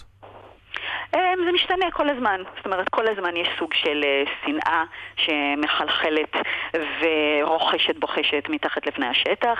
יש מילים קשות שנאמרות, ומצד שני יש מילים נפלאות, ויש תמיכה, ויש חיבוק, ויש אהבה. זה לא גרם לך אי פעם להפסיק לדבר על הנושאים ש- שעליהם את מדברת. זה לא גרם לך רתיעה. כמו שאתה שם לב, ידידי, התשובה היא לא. וזה לא יהיה, זה רק הולך להיות יותר ויותר, ואיתי עוד הרבה מאוד מיליונים של בני אדם במדינת אוקיי. ישראל שרוצים שינוי פה. תודה רבה, אחינועם אחינועם תודה רבה לך. תודה רבה גם לכם. תודה רבה לכם. תראה, בלי קשר, תודה רבה להתראות. אה, בלי קשר לעמדות, אני חושב שכשאומן מתייצב ואומר מסכים את איתך. עמדותיו, הלוואי שיותר יביעו את עמדותיהם. ואין לנו, יש מעטים. מעטים, נכון. אגב, גם מהצד השני, זה לא רק משמאל. נכון, אבל יש גם הבדל קטן בינינו לבין אמריקה. בוא, כשאתה, לא, פונה לשוק של 300 מיליון איש ואתה זמר, וחצי מדינה שונא אותך, יש לך זה עדיין עדיין 150 מיליון נכון. קונים. ופה הם מחרימים אותך, אה, אז אין נכון. במות יום עצמאות, ואין נכון. אה, דיסקים והופעות נכון, זה שוק קטן. ולכן, אתה יודע. צריך להעריך אה, אומן שמתייצב ומביא. מה למדנו בתוכנית בשעתיים האחרונות? למדנו שכולנו, תמיד הייתה מלחמה, ש... מפלגה, סליחה, מפלגה שחתרה לשלום, אה, ולא רק זה, למדנו מיושב ראש הסיעה רועי פולקמן. פולקמן, שלא צריך לקחת ברצינות מילים שנאמרו בבחירות. לקחת אה, כל משפט שאדם אמר במערכת בחירות... אה, אפשר, אפשר, רצוי, אם אנחנו רוצים? להאמין לא, לכם, לא. אז חייבים לקחת כל אתה משפט, אומר, אל תאמינו-? אל תאמינו לא לנו. נקשיב לכם, אז לא נקשיב לכם. לא, יש את הזכות, יש את הזכות לפוליטיקאי. לומר דבר. אחד ולעשות לא, דבר לא, אחר. לא, לא, חברים, חברים. ולהגיד, לא, אתם-. ממש עושים, אתם עושים לדעתי עוול לשיח הפוליטי. אנחנו עושים עוול לשיח על זה היינו אומרים, אה, לא אתם. טוב, וגם מ- למדנו משלי יחימוביץ' שהכניסה לממשלה היא לא דבר שהוסר מסדר היום. אני בטוחה שאני אעשה כל דבר כדי לעצור מהלך אה, אומלל כזה, אבל אני ממש לא בטוחה שאין מי שמחשב את הצעדים לקראת סיבוב נוסף של הפארסה הידועה שכבר הייתה. אז אה, אלה הדברים שלמדנו. את התוכנית אה, ערך דן שחורי, הפיקו משי ג'רסי ורון רוזנבוים. על הביצוע הטכני, אפרים קרני ומיכאל אבו, בפיקוח הטכני אה, יורם מרגלית, באולפנים על שם עמירם ניר מיכאל בקלור. עורך הדיגיטל הוא גיא חזק. אחרינו מצד שני יועז הנדל ספי עובדיה. אפשר לשמוע את התוכנית שלנו גם באתר גלי צה"ל וביישומון. האפליקציה. של גלי צה"ל. עמית סגל, לירון דקל. אנחנו נשוב אה, בשבוע הבא. ונסיים בשיר לשלום. בשיר השלום, כמובן. אי אפשר שלא. בכל זאת.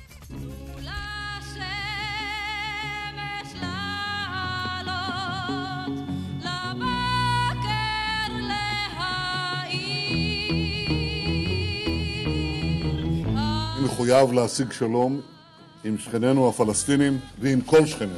אנחנו מוכנים אה, לנהל משא ומתן עם מדינות ערב על עדכון היוזמה.